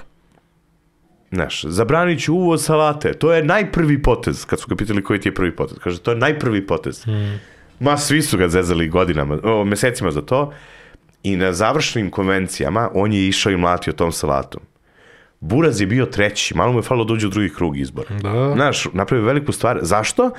Jer je dozvolio da se da postane simpatičan i na taj način. Donald Trump pre prošlih američkih da, izbora. Trump je naš Karić. Apsolutno. Ali, uh, da, da. A Trump je pred izbore imao ovaj, frku za još nekih eh, 5-6%. Dve stvari su ga digle. Po svim istraživanjima u Americi, dve stvari su omogućile Trumpu da uh, dođe do publike do koje on nikada ne bi došao. Prva je debata sa Hillary Clinton, gde je uh, Hillary Clinton izjavila sledeće. Ja se iskreno nadam da u ovoj zemlji ljudi kao što je Donald Trump nikada neće moći da sprovode svoju pravdu. I ubacuje se Donald Trump i kaže, da, jer bi bila u zatvoru. O, i pete još onaj američki, ona ništa, ona ništa nije odgovorila na to. Trump je tu dobio, buf, razumeš? Da. Znači, to je ta debata gde on u Bez kanalu. obzira što ona nikad nije otišla u zatvor. Bez- da, da. Ali, Čak kad je on postao E, predsjednik, ali ali, da. to je, ja ti kažem kako je do, došlo Da, do da. pozicije. Drugo je gostovanje kod Jimmy Fallona. E sad zamisli bilo kog našeg političara, On sa kosom. da, bilo koji naš političar da je gostovao kod Ivana, na primjer, koji je kao, mislim, meni je Ivan bolji od Fallona, ali dobro, koji je ovaj, gostovao kod uh, Ivana i sad Fallon i Donald Trump pričaju. I završava se intervju i kaže ovaj, Fallon uh, Trumpu, imam samo jednu posljednju stvar za vas. Ovaj, da li mogu da vam uneredim frizuru? A znaš za Trump, ono, Da. da li mogu da vam uneredim frizuru? I publika vrisak. "Aaaa!" I Trump sad zaleko kaže ne. Znaš, on je rekao, samo izvoli. I došao je, ovaj, ta, ta, ta, ta, ta, ta, ta, ovaj je ostao čupav, nije ni nameštao kosu. Tad je postao brutalno simpatičan drugim ljudima i tad je on prebacio i posle tog poteza je bilo sigurno da će on, Posle svih onih Pobedi. priča u PR-u, marketingu, Coca-Cola i ovom i ono. da, I misliš da to nije skriptovano?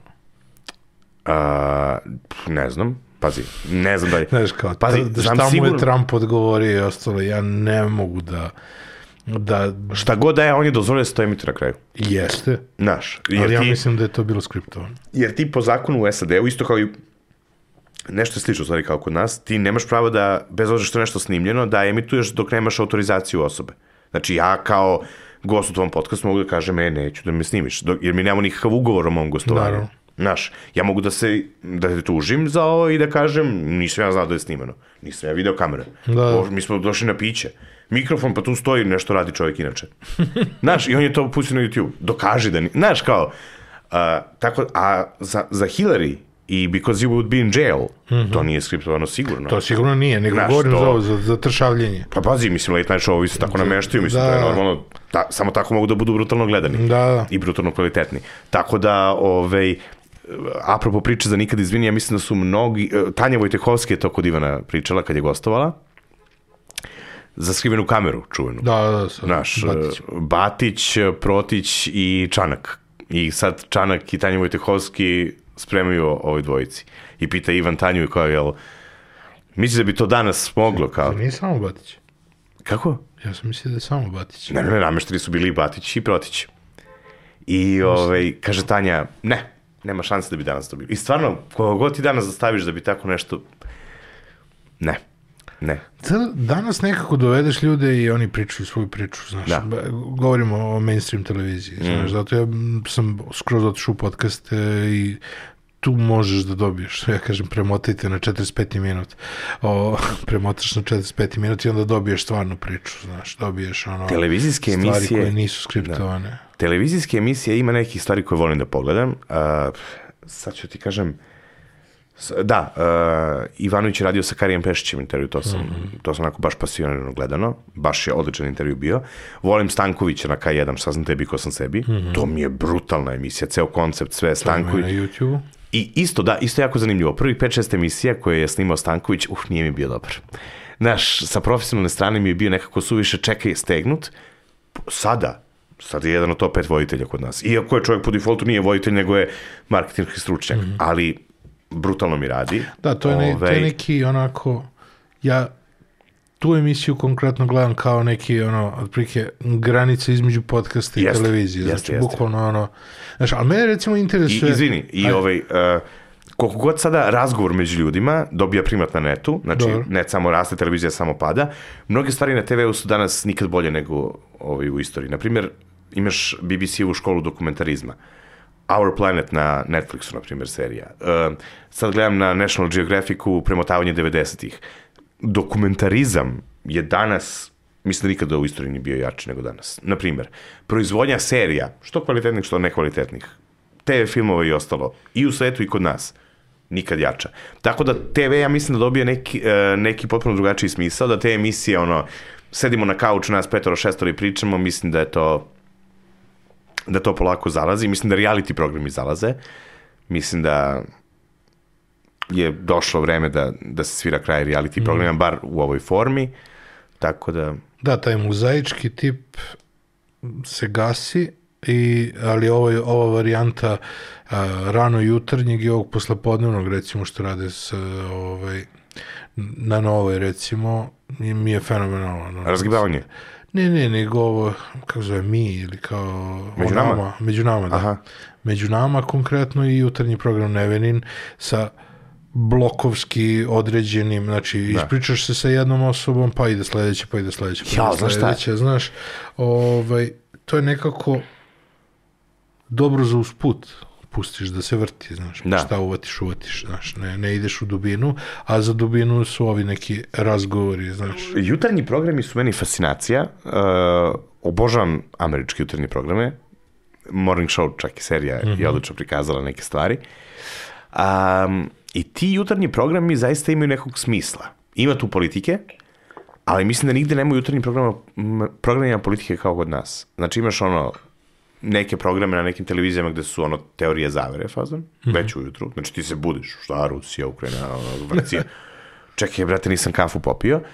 Imaš Nevenin jutarnji na, na novoj koji je u fazonu sve je crno, sve je crno, jao, ne valja što radi Vučić, ovo ne valja što radi Vučić. Imaš na Pinku, jao, Vučić sve što radi, to je super, to je naš, ono, pa je crno po ovima. Ljudi tek samo ustao. Znaš, meni fali jutarnji program koji a, postoji da ti napravi jedan lep dan. Da ti pustiš jutarnji program i da vidiš da imaš da gledaš koju predstavu, gde imaš a, da čuješ neku novu muziku, gde imaš m, na kojoj streaming platformi neku novu seriju, da čuješ neka zanimljiva mišljenja, priče, na primjer o market, nešto što, pritom nemoj da mi pričaš da to nije komercijalno isplativo, jeste, to je i kako komercijalno isplativo, kvizovi u jutarnjim programima, to je nekad bilo kod nas u svetu, je sada to u ekspanziji, mi to nemamo uopšte. A, to je isto ono što bi ljudi radije gledali ujutru nego političke debate. Ljudima se serviraju, nije normalno da se ti probudiš u 7 i da u pola 8 gledaš dvojicu tipova koji se pljuju, brate. Mislim, je li to normalno? E ćeš, stvo, znaš, tako da, mislim da postoji velika rupa u, u tom terminu mm -hmm. za nekoga ko bude želeo da napravi jutarnji program i da bude tržišno, da se takmiči. Ne da ono, znaš, napravim jutarnji program, imam sponsor i baš mi briga šta ću da pričam. A što se tiče rada u medijima, ti si deo ekipe najslabije karike Jesam, da. i ove, scenarista. Aha.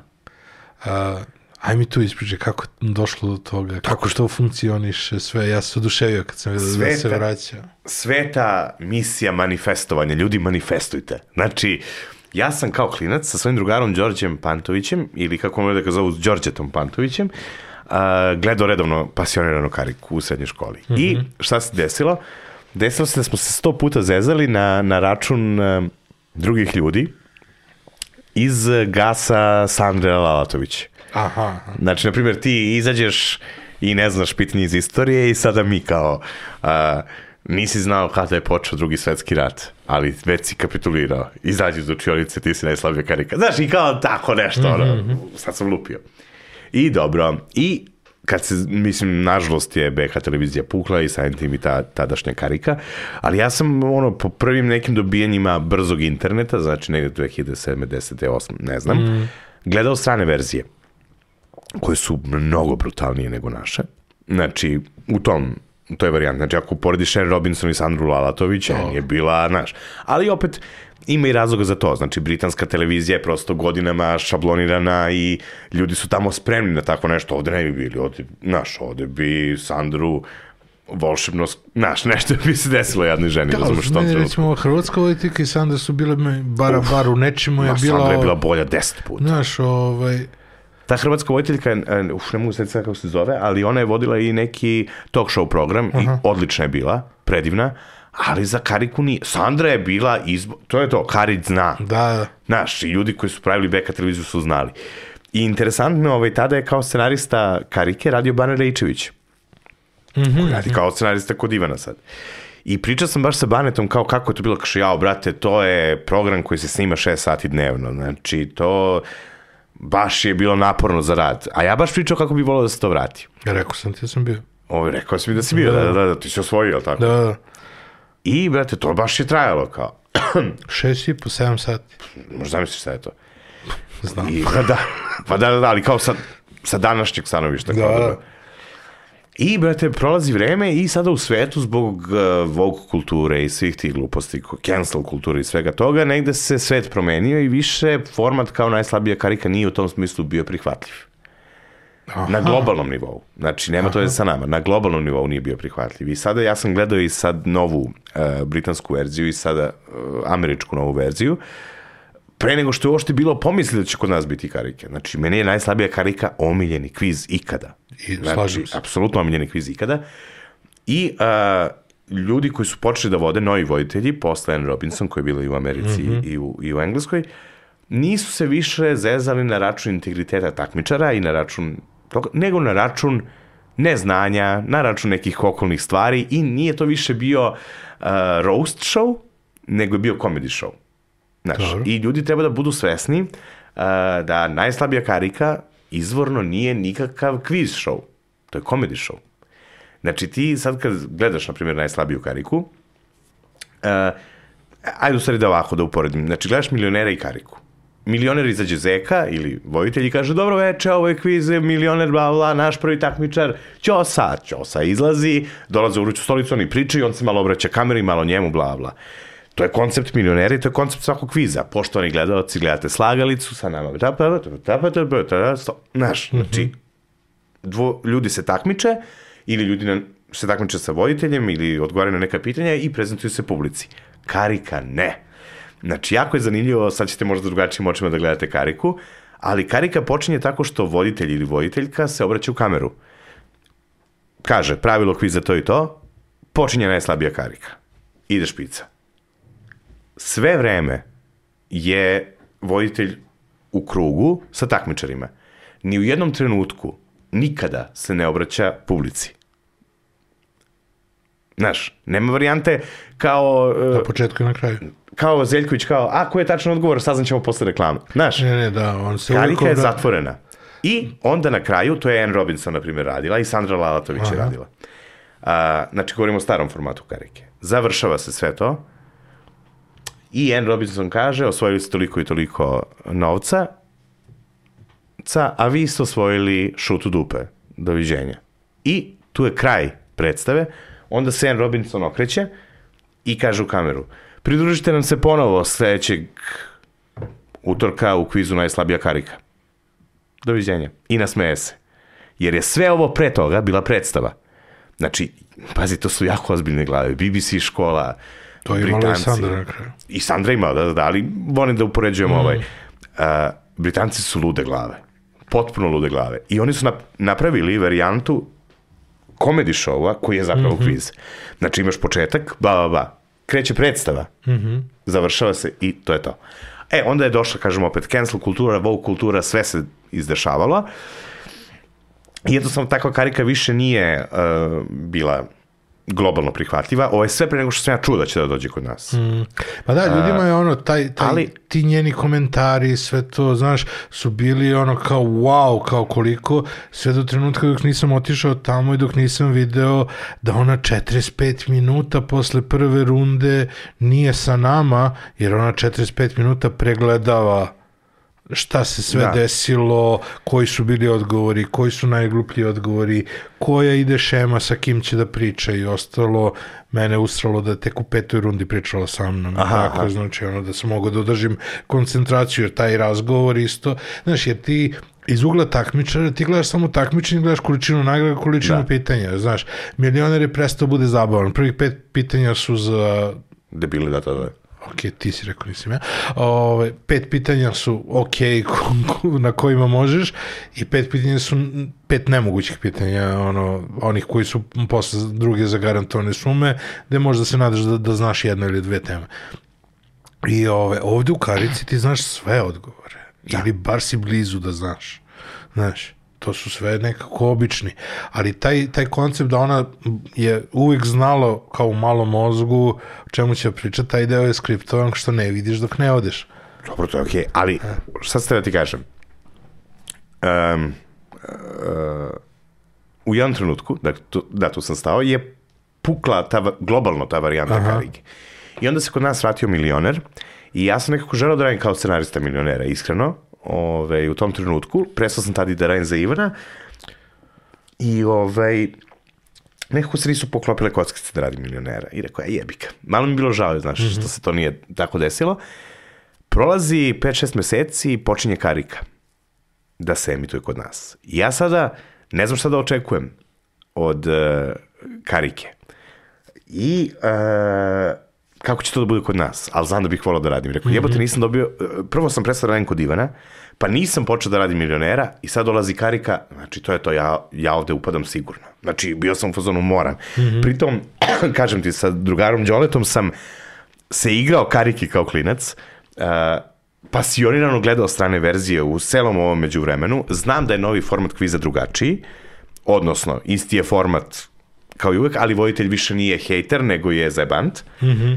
Uh, I nekako Marinela i ja stupimo u kontakt, to je kreativna producentkinja Karike, ja se tu njoj javim, ona kaže dođi kod nas, da vidimo da li znaš ti to da radiš.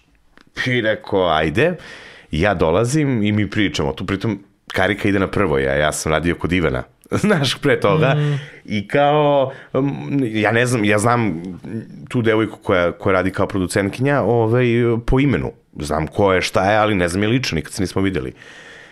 I kao, ok, tu, znaš, ti si, vidimo ovde tvoj CV, radio si kod Ivana, radio si ovo ono, ajde da vidimo da li bi znao da radiš za Kariku. Uh, ja, a ja došao sa, sa, sa idejom, ja znam da radim za Kariku, ja hoću da radim za Kariku.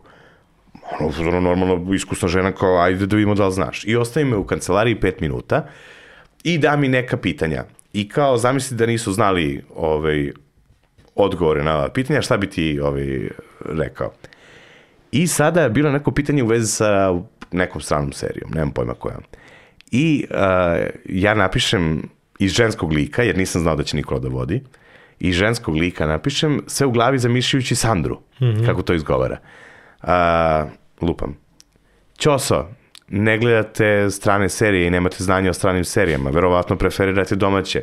Imate sreću pa će igra sudbine trajati večno. To napišem. U glavi mi je sve vreme Sandra, mm -hmm. jer, znaš, kao, kao, sa kim da se vizualizujem. I dolazi ovaj, Marinela i sad kao, ajde da vidim šta si napisao, ja kao ispričam ovo što sam tebi ispričao, napadne od smeha, ali mi je bilo mnogo bolje formulisano, znaš.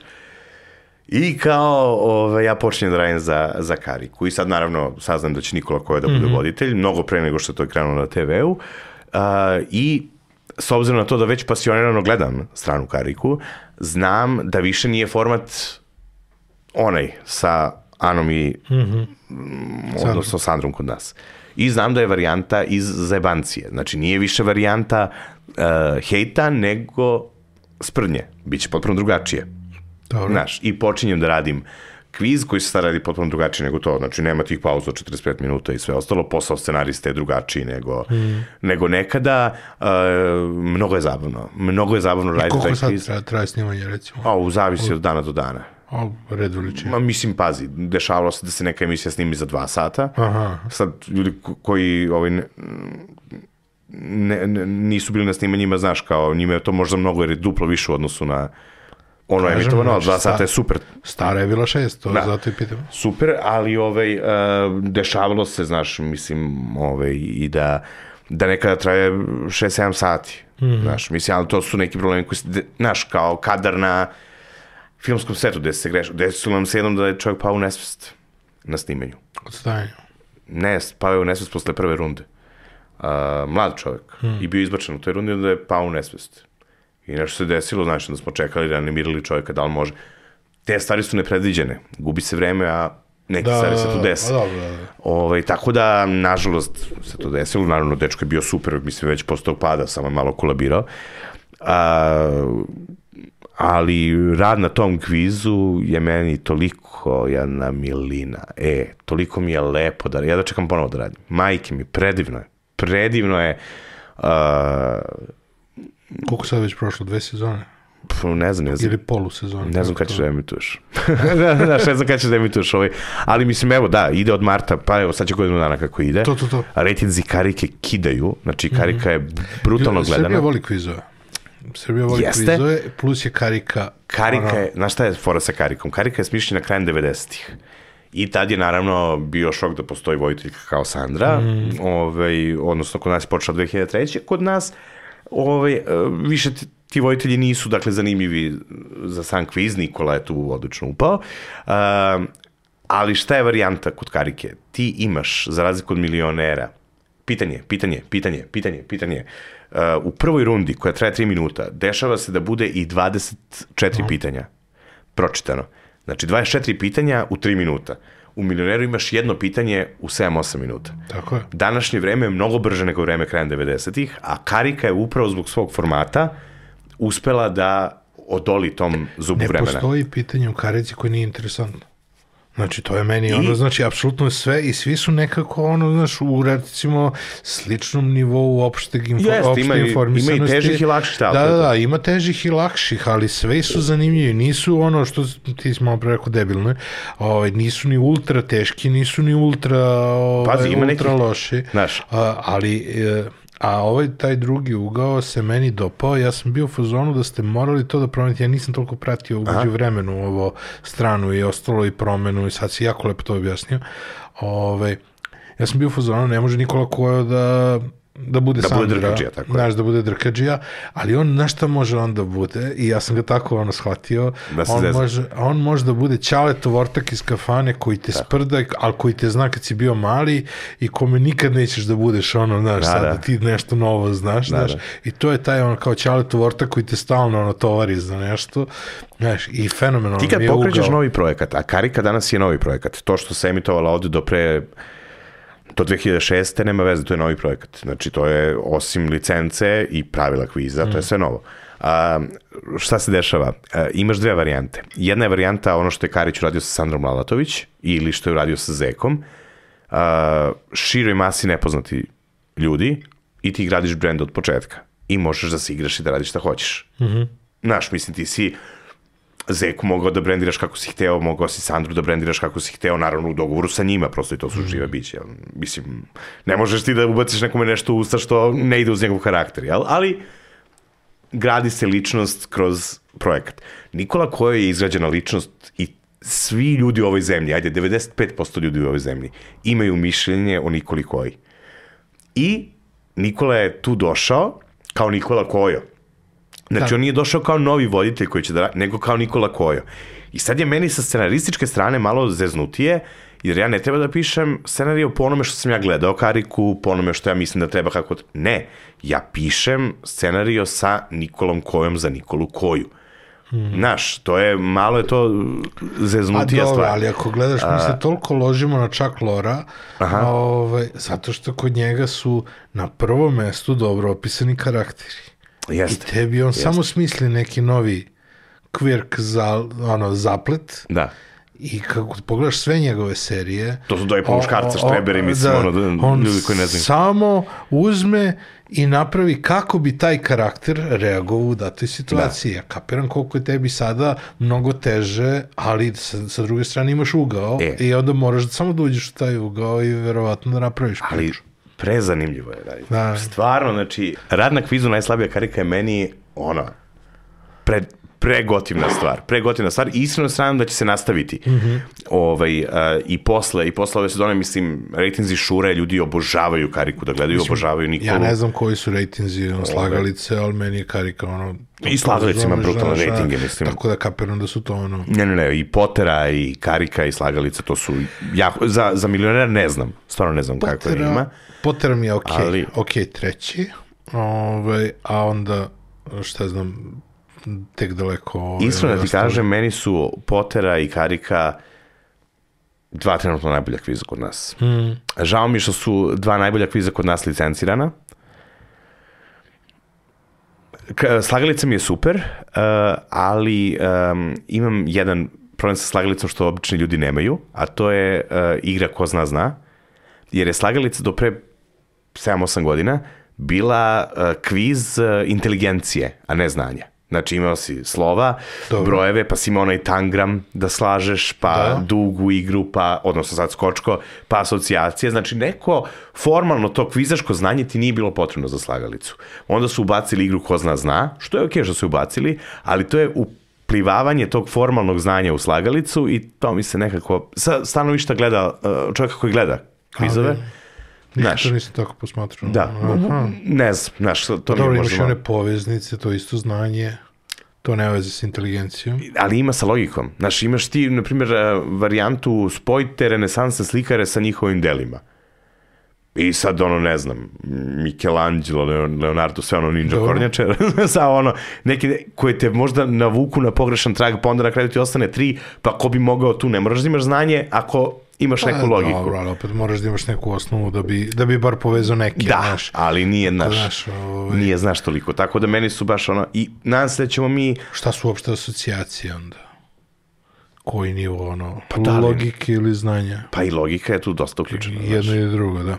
Ali da se vratimo ovaj na, na ovaj, inače super mi je što uvek kažem, volim da radim na karici i zezuju me ljudi, znaš kao, da radim na karici. Ne, ne znam, to je nešto možda malo i suviše između mojih drugara i mene, ali ove, u svakom slučaju, a, a, kažem ti, posao je toliko predivan, rad sa Nikolom je predivan. Ja sam u jednom trenutku, a, krenuli su specijali i ja kažem Marineli, daj mi molite da pišem pitanja za specijale. Kažem, no, brate, pa postoje ljudi koji to rade, niko ne traži scenaristički deo posla, to je tvoj rekao, ne, ne, ne, ne, ne, ja ne želim da to ide, ja samo želim da napišem, pa, jer znaš, pitanja za kvizu ne može da fali. Pre ili kasnije će trebati pitanja, znaš, Da, ako da. ja ću da dam to, pa vi radite šta hoćete.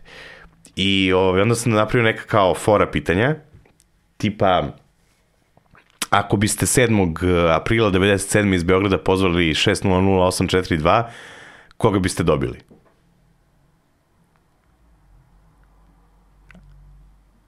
Treći kanal. Da, je. Znaš, to, ne, i onda... Znam broj.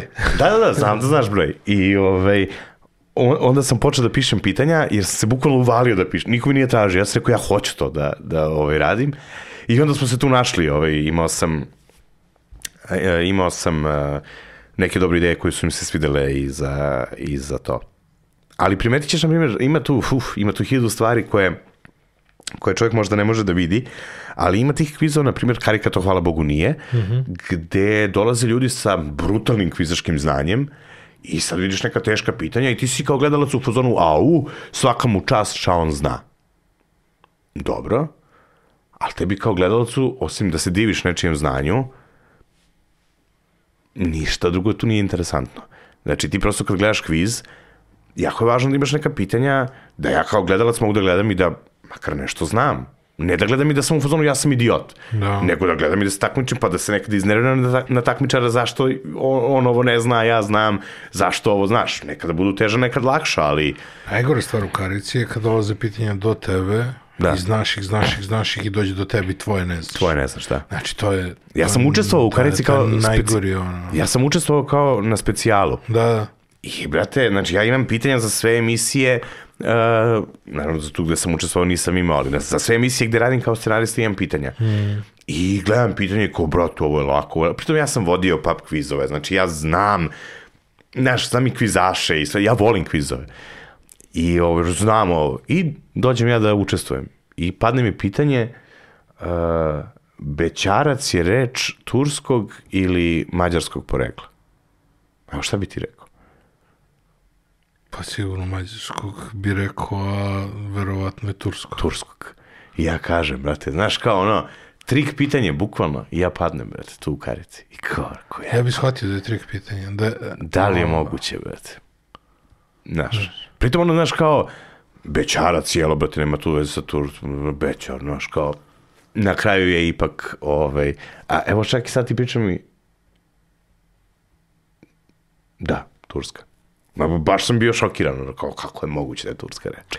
A moguće zvuči bećar. Znači, to sigurno nije bećarac kao reč. Da, da, da, ali Sigurno- mene je povuklo. Sigurno nije prva reč bećarac i bećarac ima dva značenja. Da. Jedno je jelo, drugo je pesma. Da, Ovaj, a sigurno je nastalo od bećar. da. A bećar je verovatno nešto što je u Banat don, e, zvuči više... U, u Vojvodini to mislim da zovu lole. Bećarci kao. Znaš. A, vidi lole pijane. Znaš. bećar. Možda je to, znaš. Znaš, možda mi je malo više tursko zazvučalo bekrija. Bećar je mangup. Da. Bećar je, pre, je mangup, u stvari ono što bi Da. na Dorčulu bio mangup, u Novom Sadu je bećar, razumeš? Moguće, da, da, da. E, uglavnom i tu sam pao na, na, ovo, na učešću, ali kažem ti, mislim, rad na Ja tome. prvo što nisam znao, nisam znao kako se zove Kebina čerka. Nataša Kojić. sam rekao Jelena. Znao sam neko uobičajeno ime. O, ja sam bio, ako ću da padnem na narodnjacima, nema veze. Pa, brate, kako ti kažem, mislim, je Nataša Kojić minimak se dana ima Taša. To, to, Čak i htio da je zove Kebina, ali je na kraju ostalo Taša. Je li to zdravo moje oko plavo da te ne... Mislim, sam- nema veze, ali... Tu sam već imao pripremljeno kako ću ja da odgovorim, znaš, ako me Da, bude da, da, nešto da. prozivalo ovo, ono, međutim, sva sreća pa su bili neki gori od mene. Ne, ma, stvarno, ljudi jednostavno neki nemaju znanja i to je to. Mislim, možda si ti kao keba, možda si znanje imao, imao si, više nemaš. Sada imaš. da, da, da, kebino srce. Kako si došao do ljudi? Hoću Kojih? da, da, kako si došao do ljudi koji su radili najslabiju kariku? Mislim da ljudi danas ne razmišljaju mnogo o poznanstvima, o kontaktima, o tome kako možeš da dođeš do različitih ljudi. Znači, ti si sada došao do cure koja je kreativni direktor karike i praktično plasirao sebe u taj post. Ti si prvo rekao, je, ja sam to ono, manifestovao, ali ono što ljudi ne kapiraju da je sve preko veze, da, ali da te veze možeš i sam da napraviš. Moraš, mislim, Ajde malo to osim ako ispričaj. nećeš državni posao ili bilo koji posao Ne, gde radiš ne, 8 sati dnevno, ceo život jedan isti posao, veza ti ne pomaže. Pa to ko da igraš igricu, da prelaziš isti nivo svaki dan. Da, da. Mislim, naš veza za posao, uh, ti možeš da dobiješ vezu za posao. Negde. Ne možeš u privatnim kompanijama. Znaš, mislim, neće ti niko uzeti preko veze da radiš kao scenarista ako ne valjaš, znaš. Ali uh, to, da radiš neki kancelarijski posao negde preko veze, da nisi toliko bitan za ceo sistem, uh, mogu da te uzmu. Ali ako si došao preko veze, a ne znaš ništa, nećeš napredovati. Mislim, veoma je jednostavno, znaš. Uh, znaš šta je fora? Ja sam, ovaj, ja nisam želeo da budem uh, scenarista, nikad mi to nije bilo u glavi. Uh, vodio sam neki program na ekonomskom fakultetu kraj novembra 2015. I b- b- to je nešto kao TEDx Talks bilo, samo što se kod nas to zvala ceo konferencija. I mene su pozvali da... Znam za sve o E, konferenciju. mene su pozvali da vodim taj program. Uh, to je bilo krajem novembra, ja sam te godine u aprilu držao humanitarni stand-up na ekonomskom faksu. Ti ljudi me videli i kao, e, mogu da vodiš? Mogu bi da vodim. Honorar je bio nešto mali, ali ja sam bio u fazonu može. Um, I, jer mi je prezanimljiva priča. Znači, tu je gostovala Tanja Ta- Tatomirović iz Microsofta, uh, Tanja Vojtehovski, Ivan Ivanović, uh, sledeće godine je tu bio i Vanja Grbić, Milka Forcan, znači bilo je tu mnogo uspešnih ljudi, ja sad govorim o uspešnim ljudima a, koji su poznati u široj javnosti, znaš. Bio je Nihat Softić, na primjer, u, u Sarajevu, znači samo googlite to ime da vidite ko je taj čovek i šta je on uradio, Pff, ludila. I uglavnom ja vodim program i dolazi Ivan Ivanović i sad ja sam u fazonu, ja sam stand-up komičar koji počinje karijeru, imam godinu dana iza sebe, ako imam i toliko, deset nastupa, mislim slabo nešto, ali kao sad ću ja da se prodam Ivanu. Znači, ja sam bukvalno bio u fazonu, sad ću da se prodam. I šta se dešava? Dešava se da uh, ja najavljam svakog govornika i za svakog imam neku priču koju sam smislio, ali za Ivana sam rekao da priča mora da mi bude duhovita. I ja kažem, malo je poznato da je uh, Zoran Kesić dobio otkaz sa studija B jer su mislili da nije kreativan. Danas je vojitelj najpoznatije satirične političke emisije. Malo je poznato da je Olja Bečković karijeru počela u filmovima sa Sekulom. Danas radi utisak nedelje. Malo je poznato da je Goran Bregović izbačen iz škole zato što je bio netalentovan muzičar. Napravio je svetsku karijeru. Malo je poznato da je Maja Nikolić izbačena iz škole jer a okej, nema veze. Znaš, i tu 600 ljudi u publici kreće smeh, jer ja sam to ispričao onako vojiteljski. Ovo je čovjek od kog sam ja želeo da se zaposlim preko veze. Stvarno istinita priča. Ja sam našao neku vezu sa čovjekom koji je bio blizak Ivanu, ja sam njemu poslao neke svoje fore godinu dana ranije i ovaj, eh, te fore nisu ni došle do Ivana, pritom su te fore bile jako loše. Mislim, sad kad vidim to, i nisam ni počeo da radim kod njega. I ovaj, to ispričam kad sam njega najavljivao.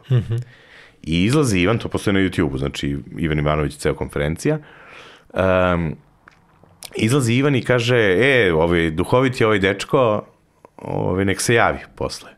Samo sledeći put kada budeš teo preko veze, šalji na mail uh, umem et prva, a ne ne umem et prva. Tako je nešto bilo.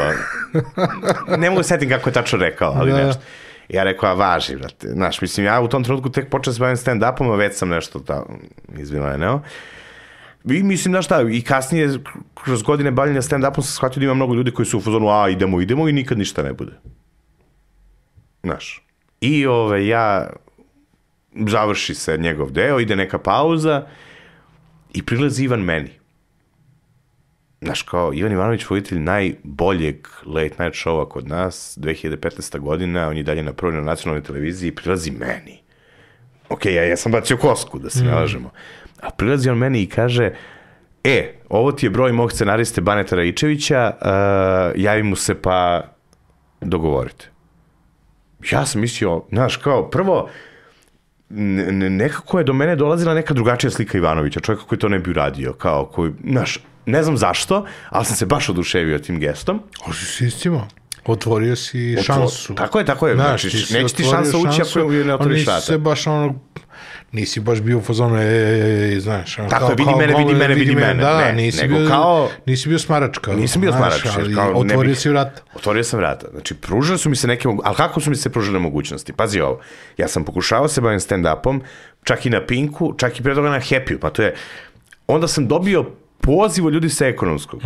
Znači, pazite kako je išlo. Da radim humanitarno za 1. april. Prihvatio sam da radim humanitarno za 1. april. Ok. Odradio sam humanitarno. Njima se to svidelo. Zvali su me za mali honorar. Evo reću ti, honorar je bio 10.000 dinara. Što je jako mali honorar za vođenje programa. Zvali su me za taj honorar ti ljudi da radim konferenciju u novembru te godine, jer sam im se tamo svideo. Ja sam to prihvatio za mali honorar da radim u trenutku kad nemam para. Prihvatio sam. I onda sam tek saznao da će Ivanović biti Da, nisi namenski otišao tamo da bi upoznao Ivanović. Nisam. Ja sam to sve prihvatao i onda je došao Ivanović. I pritom daj meni on, znači vrati se na priču, daj mi broj Baneta Rajičevića. Pazi ovo, u tom trenutku ja nemam plaćen račun za telefon. Radio sam ja na Naksi radiju tada. I imao sam ja lepu platu na Naksiju. Znači nije da ja nešto financijski u problemu, radio sam ja neke tezgice ovako, već je meni krenula karijera i neke pare da mi dolaze, znaš. Ali to je bio 28. novembar.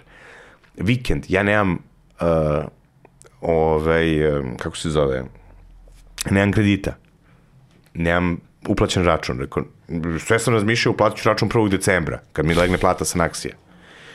Na Naksi radiju nikada plata nije kasnila.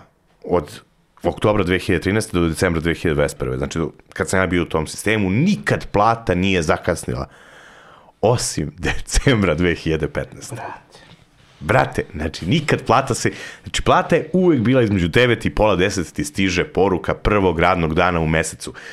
Čak pre nove godine, pre 1. maja, pre velikih praznika ti stigne plata ranije. Nikad se nije desilo. Tad kasni plata. I umesto prvog sva sreća stiže drugog. Znači nije bilo do, do radija, mm. a svi su se uspaničili jer smo svi radili u nekim sistemima gde, su, gde je tako kretalo. Sva sreća to je bilo jedan put, ali taj jedan dan, sunce ti. Najduži 24 sata u životu. 24 sada. Pritom, znaš, ja moram da platim neki račun da bi mene odblokirali. Nisam više prepaid nego postpaid. A jao. Odem to, uradim. Zovem Baneta. kao, dobar dan. Filip Ugrenović ovde, Ivan mi je dao vaš kontakt telefon. Pa gde si ti do sad? A prošlo tri dana, fazon, razumeš? Ali meni blan treba da počnem da radim sa tim ljudima. I kaže, ajde ovako, ti svaki dan smisli po par fora i pošalji da vidimo da li znaš. Ja krenu da šaljem. I ja, Dunster, ne znam, posle 5 dana kažem, ej Bane, šta se dešava? Misleći da ću da dobijem posao za 5 dana. Dobio sam ga u martu 2016. E, već su krenule moje fore polako po, po emisiji da, da idu i neke stvari koje sam predlagao. I od marta sam počeo da radim kod Ivana zvanično. I u jednom trenutku nekada mnogo kasnije, ja sam pitao Baneta, čekaj, brate, što sam ne bio tri meseca na probnom radu? Uh, kaže, pa zato što svako može da smisli 20 fori da ih šalje nedelju dana, ali treba nam kontinuitet u poslu. Da Bravo. stalno možeš, znaš. I ja sam ovaj, imao dana kada sam imao toliko kriminalno loše fore. ali sam imao dana kad sam ubijao kakve su fore. Znači, baš kad sam bio dobar. I, Gleda se kontinuitet, a ne... kako? Gleda se kontinuitet, a Tako ne je. kvalitet pojedinačnih fora, da, da, da. Tako je. I ovaj, onda, onda je to tako ovaj, krenulo. Ali to nije sve. Januar mesec. Moj drug Miodrag Stošić koji je u tom... Tada, trenutku- 2016. Januar 2006, dva meseca pre nego što je zvanično počeo. Aha, aha. Moj drug Miodrag Stošić je već godinama scenarista kod Ivanovića. Nikad ja nisam kod njega tražio vezu, nikada to ne bih radio. Tražio sam je sa profesionalne strane preko profesionalnih pozna... Nema veze. Ali prijatelja nikad ne bi tako cimao da, da me negde ubaci. Reću ti i što? Nešto da ne napravi kontakt, ne, ne kape... Reći ja sam što. uvek protiv onoga da ideš preko veze tamo gde... Reći ti što samo da završimo ovu priču, izvini. A, šta se dešava? Izađe veliki skandal a, gde se Ivan Ivanović na kraju izvinio bosankama, ženama silovanim u ratu. Jer je e, fora bila Stošketova, koja je na kraju otišla, e, nešto u fazonu e, porastao broj e, silovanih žena u ratu, eto, plavi šlemovi nešto nisu radili. Postoje na YouTube-u cela priča, sad ne znam ja tačno kako je bila, ali bio skandal i, znaš, kao, onda je tu nešto, da li će Ivanović, šta će, mislim, cela zemlja se digla, razumeš, oko, oko celog tog skandala. U vezi sa tim Ivan Ivanović na kraju izvinio ljudima To u Bosni. uradio vrhunski profesionalno. I ti pogledaj taj snimak od 7 minuta, znači Ivan je Uh, možeš da mu spočitavaš kao gledalac šta hoćeš, on nije nikakav niti nacionalista, niti neki džiber, brate. On je jako, mene ne zanima što on završio fakultet posle 40. godine, pravni, ali on je, ima taj ulični, uh, ulični intelekt, razumeš? I on je čovjek koji nikada ne bi uradio nešto što bi povredilo druge ljude na nacionalnoj i seksualnoj osnovi. Ovo je, nije ni tad to uradio. Nego su neki debili čekali svaku moguću priliku da naprave frku. I napravili su frku, Ivan ni kriv ni dužan, na kraju se izvinio i to se odlično izvinio jer se izvinio zato što nije svestan da će napraviti problem. Jer ljudi koji nemaju u glavi tu zlobu, mm. ne mogu ni biti svesni da je, znaš, ko ima zlobu, on može da je napravi, ko, a Ivan je nema. Mm. Ivan je tu dobar tip. E, šta se dešava? Ja počinjem da radim za Ivana i to sve kreće i od 2016. do pre eto, godinu i po dana ja sam bio ovaj, deo scenarističkog tima i to mi je stvarno jedan prelep posao. Pitao si me zašto nikada nisam cimao drugara. Čekaj, šta, šta je bilo poenta sa tim januarom? Tad se dešava Pa ta ne, ne, ne, ja, frka? dešava se frka, ne znam da li će to bude emisija, znaš, Aha, a ja aha, već dva meseca na probnom radu. Aha, O, znaš, aha, ono, da, da, i tek da. sam u martu počeo, nego sam krenuo ti pričam o malerima koji su me strefili, Opa, da. između ostalog i to. I pitao sam me zašto nisam cimao Stošića da me ubaci kod Ivana. Nisam želeo. Kad sam radio kod Ivana, um, naš onaj deo sa komičarima na kraju, četiri komičara. Dobro. Sve kolege komičari su me pitali zašto ne tražiš Ivanu da te ubaci. Jesi ti stand-up komičar isto koliko su i oni, možeš da tražiš da te tu ubaci. Ja sam rekao neću. Čekam da me Ivan pozove. I uh, pozvala me je Sanja Nešić, mm -hmm. koja je jedna od organizatorki u tom trenutku. Ovaj, šta smeš? Hm? Šta smeš? Moja bivša koleginica. Aha, aha, aha. Žena zadužena za najluđi smeh kod Ivanovića Tako u je. prvim početnim epizodama. Tako je, tako je, ona je ono. Zove me, ona kaže, hoćeš da budeš u komediju? Rekao, hoću. I ja dođem i stvarno u toj prvoj emisiji pokidam koliko sam bio dobar u komediju.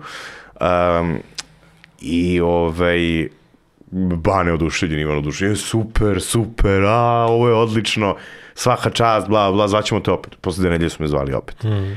Da sam ja zvao i pitao, ja znam te ljude, znači, 90% sam siguran da bi Ivan rekao, ajde dođi probi. Znači, znam, znam kakav je ovaj tip. Međutim, kad tebe negde zovu, Dobro. ti dolaziš iz pozicije daću sve od sebe pa ću da ih oduševim. Ako si se ti negde predstavio i ti tek onda imaš veliku obavezu da nekoga oduševiš. Jer si se ti ponudio. Dobro. Razumeš razliku? Mm -hmm. Znači, ako bih se ja nekome nabacio za posao, ja imam, uh, što se dešava ponekad, kad znam da, da ne mogu da me primete, ja se nabacim za neki posao. Ali uh, onda ti imaš duplo veći zadatak je na tvojim leđima, mm -hmm. nego kada te oni pozovu. Kada te oni pozovu da radiš nešto sa njima, onda je odgovornost podeljena i uh, onda je to, što je najvažnije od svega, dokaz da su oni cenili tvoj rad. Da neće da ti učine nešto, nego stvarno, e, ovaj dečko vred, i onda je to i tebi potvrda. I onda si ti još bolji. Ja se sećam, uh, ne, ne znam sad koliko je čijih fora išlo u emisiju, mm -hmm. nije ni bitno, ali prva emisija posle uh, mog prvog pojavljivanja u komediju, 11 fora mojih. Dva puta se desilo da je bilo 11 mojih, -hmm. Nekad je bilo jedna, nekad ni jedna. Bilo je dva meseca ni jedna fora. Znaš kao, prosto dešava se. Neki bug u sistemu. Bilo je u skromnoj večeri sa Ivanom, kad smo radili od njegove kuće. Tad je bilo ovaj, jedan, i ovde je bilo 11. Jer kao, tako ti da hype.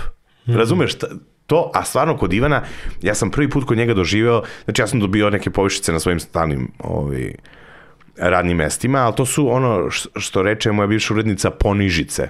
Znaš, dati povišicu 3000 dinara. E, moji životni standardi su skočili za 5, ti mi daš povišicu 3, koga ti zajebavaš, razumeš? Kod Ivana sam prvi put u životu dobio povišicu koja je bajo povišica. Znaš, koja je povišica u smislu uh, ono, ja, ja na primjer, hoću da od plate kupim TV i imam isplanirano kako ću kupiti TV. A onda dobijem povišicu i kažem, čoveče, ja mogu sad da napravim novi plan za TV, e, mogu da kupim i DVD. Znaš, kao, to ti znači, to ti znači povišica. Mm. Povišica nije da ti, uh, kad dobiješ povišicu, jako zanimljivo, znaš, uh, radiš na nekom poslu, i radiš ono uh, mesecima i mesecima i sada inflacija, znaš, skaču cene. I ti dobiješ povišicu i shvatiš da posle šest meseci možeš da kupiš isto kao i na početku. Pa to nije povišica. To je amortizacija. To je amorti... Pa ne, to je bukvalno... Da. A kod Ivana kad sam dobio povišice, bajo, svaki put je bilo aha, ja sad imam više para, ja sad mogu da kupim nešto, ja mogu više da otputujem, ja mogu više ovo, mogu više ona. Tako da, to su da. sve neke kažu, jako važne stvari. Kažu da ljudi uvek kad nešto rade, ono, imaju, imaju uvek proaktive za 20% više od onoga što im je trenutno ono, ovaj, prosek i onda kao 20% je neka kao super povišica u smislu da, da konstantno na, nas u svakom nekom trenutku, da li će to da bude na šest meseci, u idealnom scenariju ili Evo, ja ću ti ka... znači, na godinu dana, 20% je kao baš nešto da, da gruneš ja nekome da ti... i da taj neko bude, ovaj, da bude ultra srećan, neću da ulazim u detalje. Ne, ne, ne, da ne, ne pazi, ja neću da ti ovaj, govorim o, o, da, naravno, o, ovaj, znači ne mogu da ti kažem koliko košta nešto, naravno. ovaj, koliko košta koliko je moja plata bila bilo gde, ne mogu da ti kažem prosto, ali mogu da ti kažem jednu drugu stvar koja nije ni nepristojna da se kaže, niti je niti me ugovor neki sprečava da to kažem mislim, nisam ja sa Ivanom imao taj ugovor o plati u tom smislu. Mm gde, gde postoji klauzula o sprečavanju, ne, ali nije pristojno da ja govorim o nekoj cifri, ali ovo me mogu da ti kažem. Prva povišica kod Ivana, prva koju sam dobio, znači na platu koja je već bila jako dobra, je bila 30%. To je to. Znaš, e, druže. To je više od prosjeka. To je za jako veliki respekt. Mm, da. Znaš, to je, Znači, ja sad ne ulazim u to da li su oni imali biznis plan, pa su mi dali u početku manju platu da bi mogli da mi povećaju. Šta, man, ne zanima me. Osećaš se, brate, znači, jako je lepo da ti radiš Naložen, posao. No. Brate, radiš posao i nešto, ra, radiš loše, ćao, otkaz. Radiš dobro, pam. Znaš, to je, to je, uf. Kad bi svuda bilo tako kako ti, ne, ja stvarno, znaš, ono, uh, mnogo mi je bilo žao kad sam prestao da radim, uh, rad na Karici je potpuno drugačiji nego rad kod Ivana i na potpuno drugačiji način me ovaj, zadovoljava. Um, na Karici. Na karici. Da, ove, ali imam tu stvarno, na, znaš, imam u poslednjih deseta godina stvarno tu ludačku sreću da radim samo stvari koje volim. Siguran sam da ću nekad u životu morati da odradim nešto što ne volim. Ne ono u smislu prodaće se ovo, ono, nego kao brate, ne, znaš, nekada nije, nije posao zadovoljstvo da ti uvijek bude lepo, nešto će raditi što ti se možda ne svidi na kraju ovih dana, ali kao stvarno radim to što volim i mislim da, znaš, kao da, da postoji uh, pitanje kao, da, da li bih sad, da me neko pita, pošto sam malo rekao da nisam želao da budem scenarista, da me neko pita da li bi se bavio, odmah bih. Pritom sam imao tu ludu sreću da radim na najvećem late night show projektu u zemlji, mm -hmm. što Ivan objektivno dan danas jeste, i, i da imam sreću da radim na uh, dva trenutno, ne samo meni omiljena, I nisu mi to omiljeni kviz zato što radim, na dva stvarno najveća kviza u zemlji, to su Potera i Karik. Na Karici tek radim detaljno, znači to mi je baš on Potera i nešto drugo, ali to je ludačka sreća, brate, da radiš takve stvari. I da još dobijaš pare za to. To je, znaš, ono, ukomponovano predobro. Možemo to da završimo. Ja, Meni koliko- je ovo super. Ja ne znam ni koliko smo pričali, brate. Pa preko dva. Preko dva sata, da. Ja, mogu da vidim samo papir? Hm? Može. Ovo nemoj da sečiš. Ovo nemoj da sečiš, nego da... Zanima me šta si sve planirao, pa šta ima novo, lepo, pihtije. Evo, znao je čovjek da sam bio na pihtijadi. Posljednja stvar koja se promenio mišlje, dobro, dobro, um, položio za kola, dobro zezaš, dobro, podcast je okej, dobro, veće novog materijala, pa sve je super. Kad ću da izbacim specijal na YouTube-u? Um, Gomila stvari, ja sad imam treći show, gomila stvari iz prvog showa je već izbačena po delovima, iz drugog onako, vidjet ćemo. Uh, u svakom slučaju, preće biti da će ovaj treći koji tek sad izvodim da, da prvi bude koji ću izbaciti na YouTube. Mediji Filip Dobro, najveći, uh, koji ti je najveći problem u brendiranju? Šta to znači? E, hteo sam u tome, ali prelepo smo imali priču. Sad ćeš ideš pitanja koja nisu bila. Ne, ne, ne, pa zanima me, znaš, kao da li brendiranje e, proizvoda i to. a, ne, zato što u svom ličnom brendiranju, zato Aha, što aha. si stand-up komičar, radiovoditelj, scenarista, tekstopisac, kreativni direktor, copywriter, Da, da. znači imaš milion i jednu uh, milion Kako i jedan da znaju, da. posao, znaš, gde ti je u principu to da si stand-up komičar, E, ali... tvoj poziv, ali znaš, nije ti opis svega što ovo radiš. Pazi, ovo je velika tema, zato što, uh, na primjer, ja, ja sam, mene ljudi najviše znaju kao komičara, mislim, naš komičar i voditelj u Beogradu me znaju kao voditelja. Um, šta je fora? korporativni nastup, neka firma te zove i kao Filip Ugranović stand-up, aha, Filip Ugranović, ko je to? Pa on je bio scenarista Ivanović, sad je scenarista Karike, zovi. Znaš, jer to što To- sam to ti komičar, daje- to mi daje dodatni boost. Znaš, kao isto i što, na primjer, kod Ivana kad sam radio, posle kad sam počeo da radim za Kariku. Mm Znaš, ja sam sad radio kod Ivana, radio sam za Kariku i nadam se, kažem opet da ću i dalje da nastavim da radim za Kariku.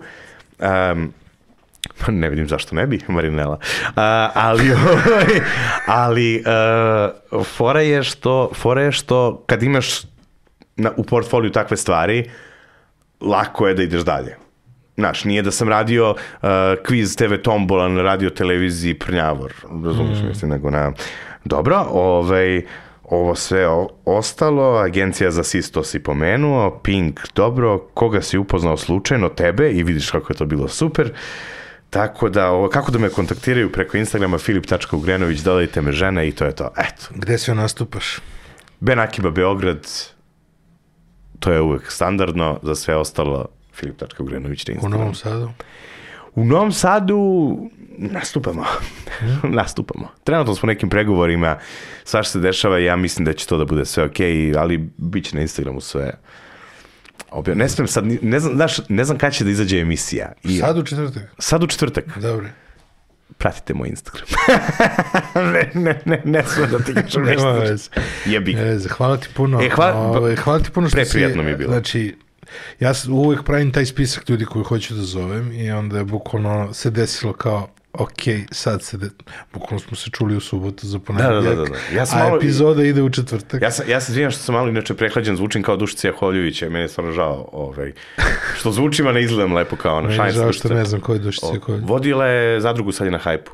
A, mi smo radili zajedno na Radio S, ja sam bio producent njen. Eto. Nekad dano, super je tip inače ovako. Da. Pozdrav za dušice. Ćao. Hvala ti puno. Hvala tebi stvarno, bilo mi baš lepo. A vama hvala što ste gledali još jednu epizodu Još podcast 1, to je bio moj razgovor sa Filipom Ugrenovićem, hvala vam što ste ovde, ostavite nam standardno share, like, subscribe, ostavite nam neki komentar, preporučite nas, nas prijateljima, verovatno imate neko prijatelj kojim bi se ovo možda dopalo. Uh, hvala našim sponsorima Beans Coffee uz koji razgovaram sa svojim gostima, Skandinavian Design Centru, čim stolicama sedimo, Grooming Mastersu koji su mi poslali super opremu za brijanje, a, i ukoliko vam je potrebno bilo šta od proizvoda za negu kose, brade ili za brijanje, pogledajte njihovu ponudu na Grooming Master sajtu. Svi linkovi su u opisu ove epizode, to je bilo to i gledamo se i slušamo sledećeg četvrtka. Ćao, čao. Bye, bye.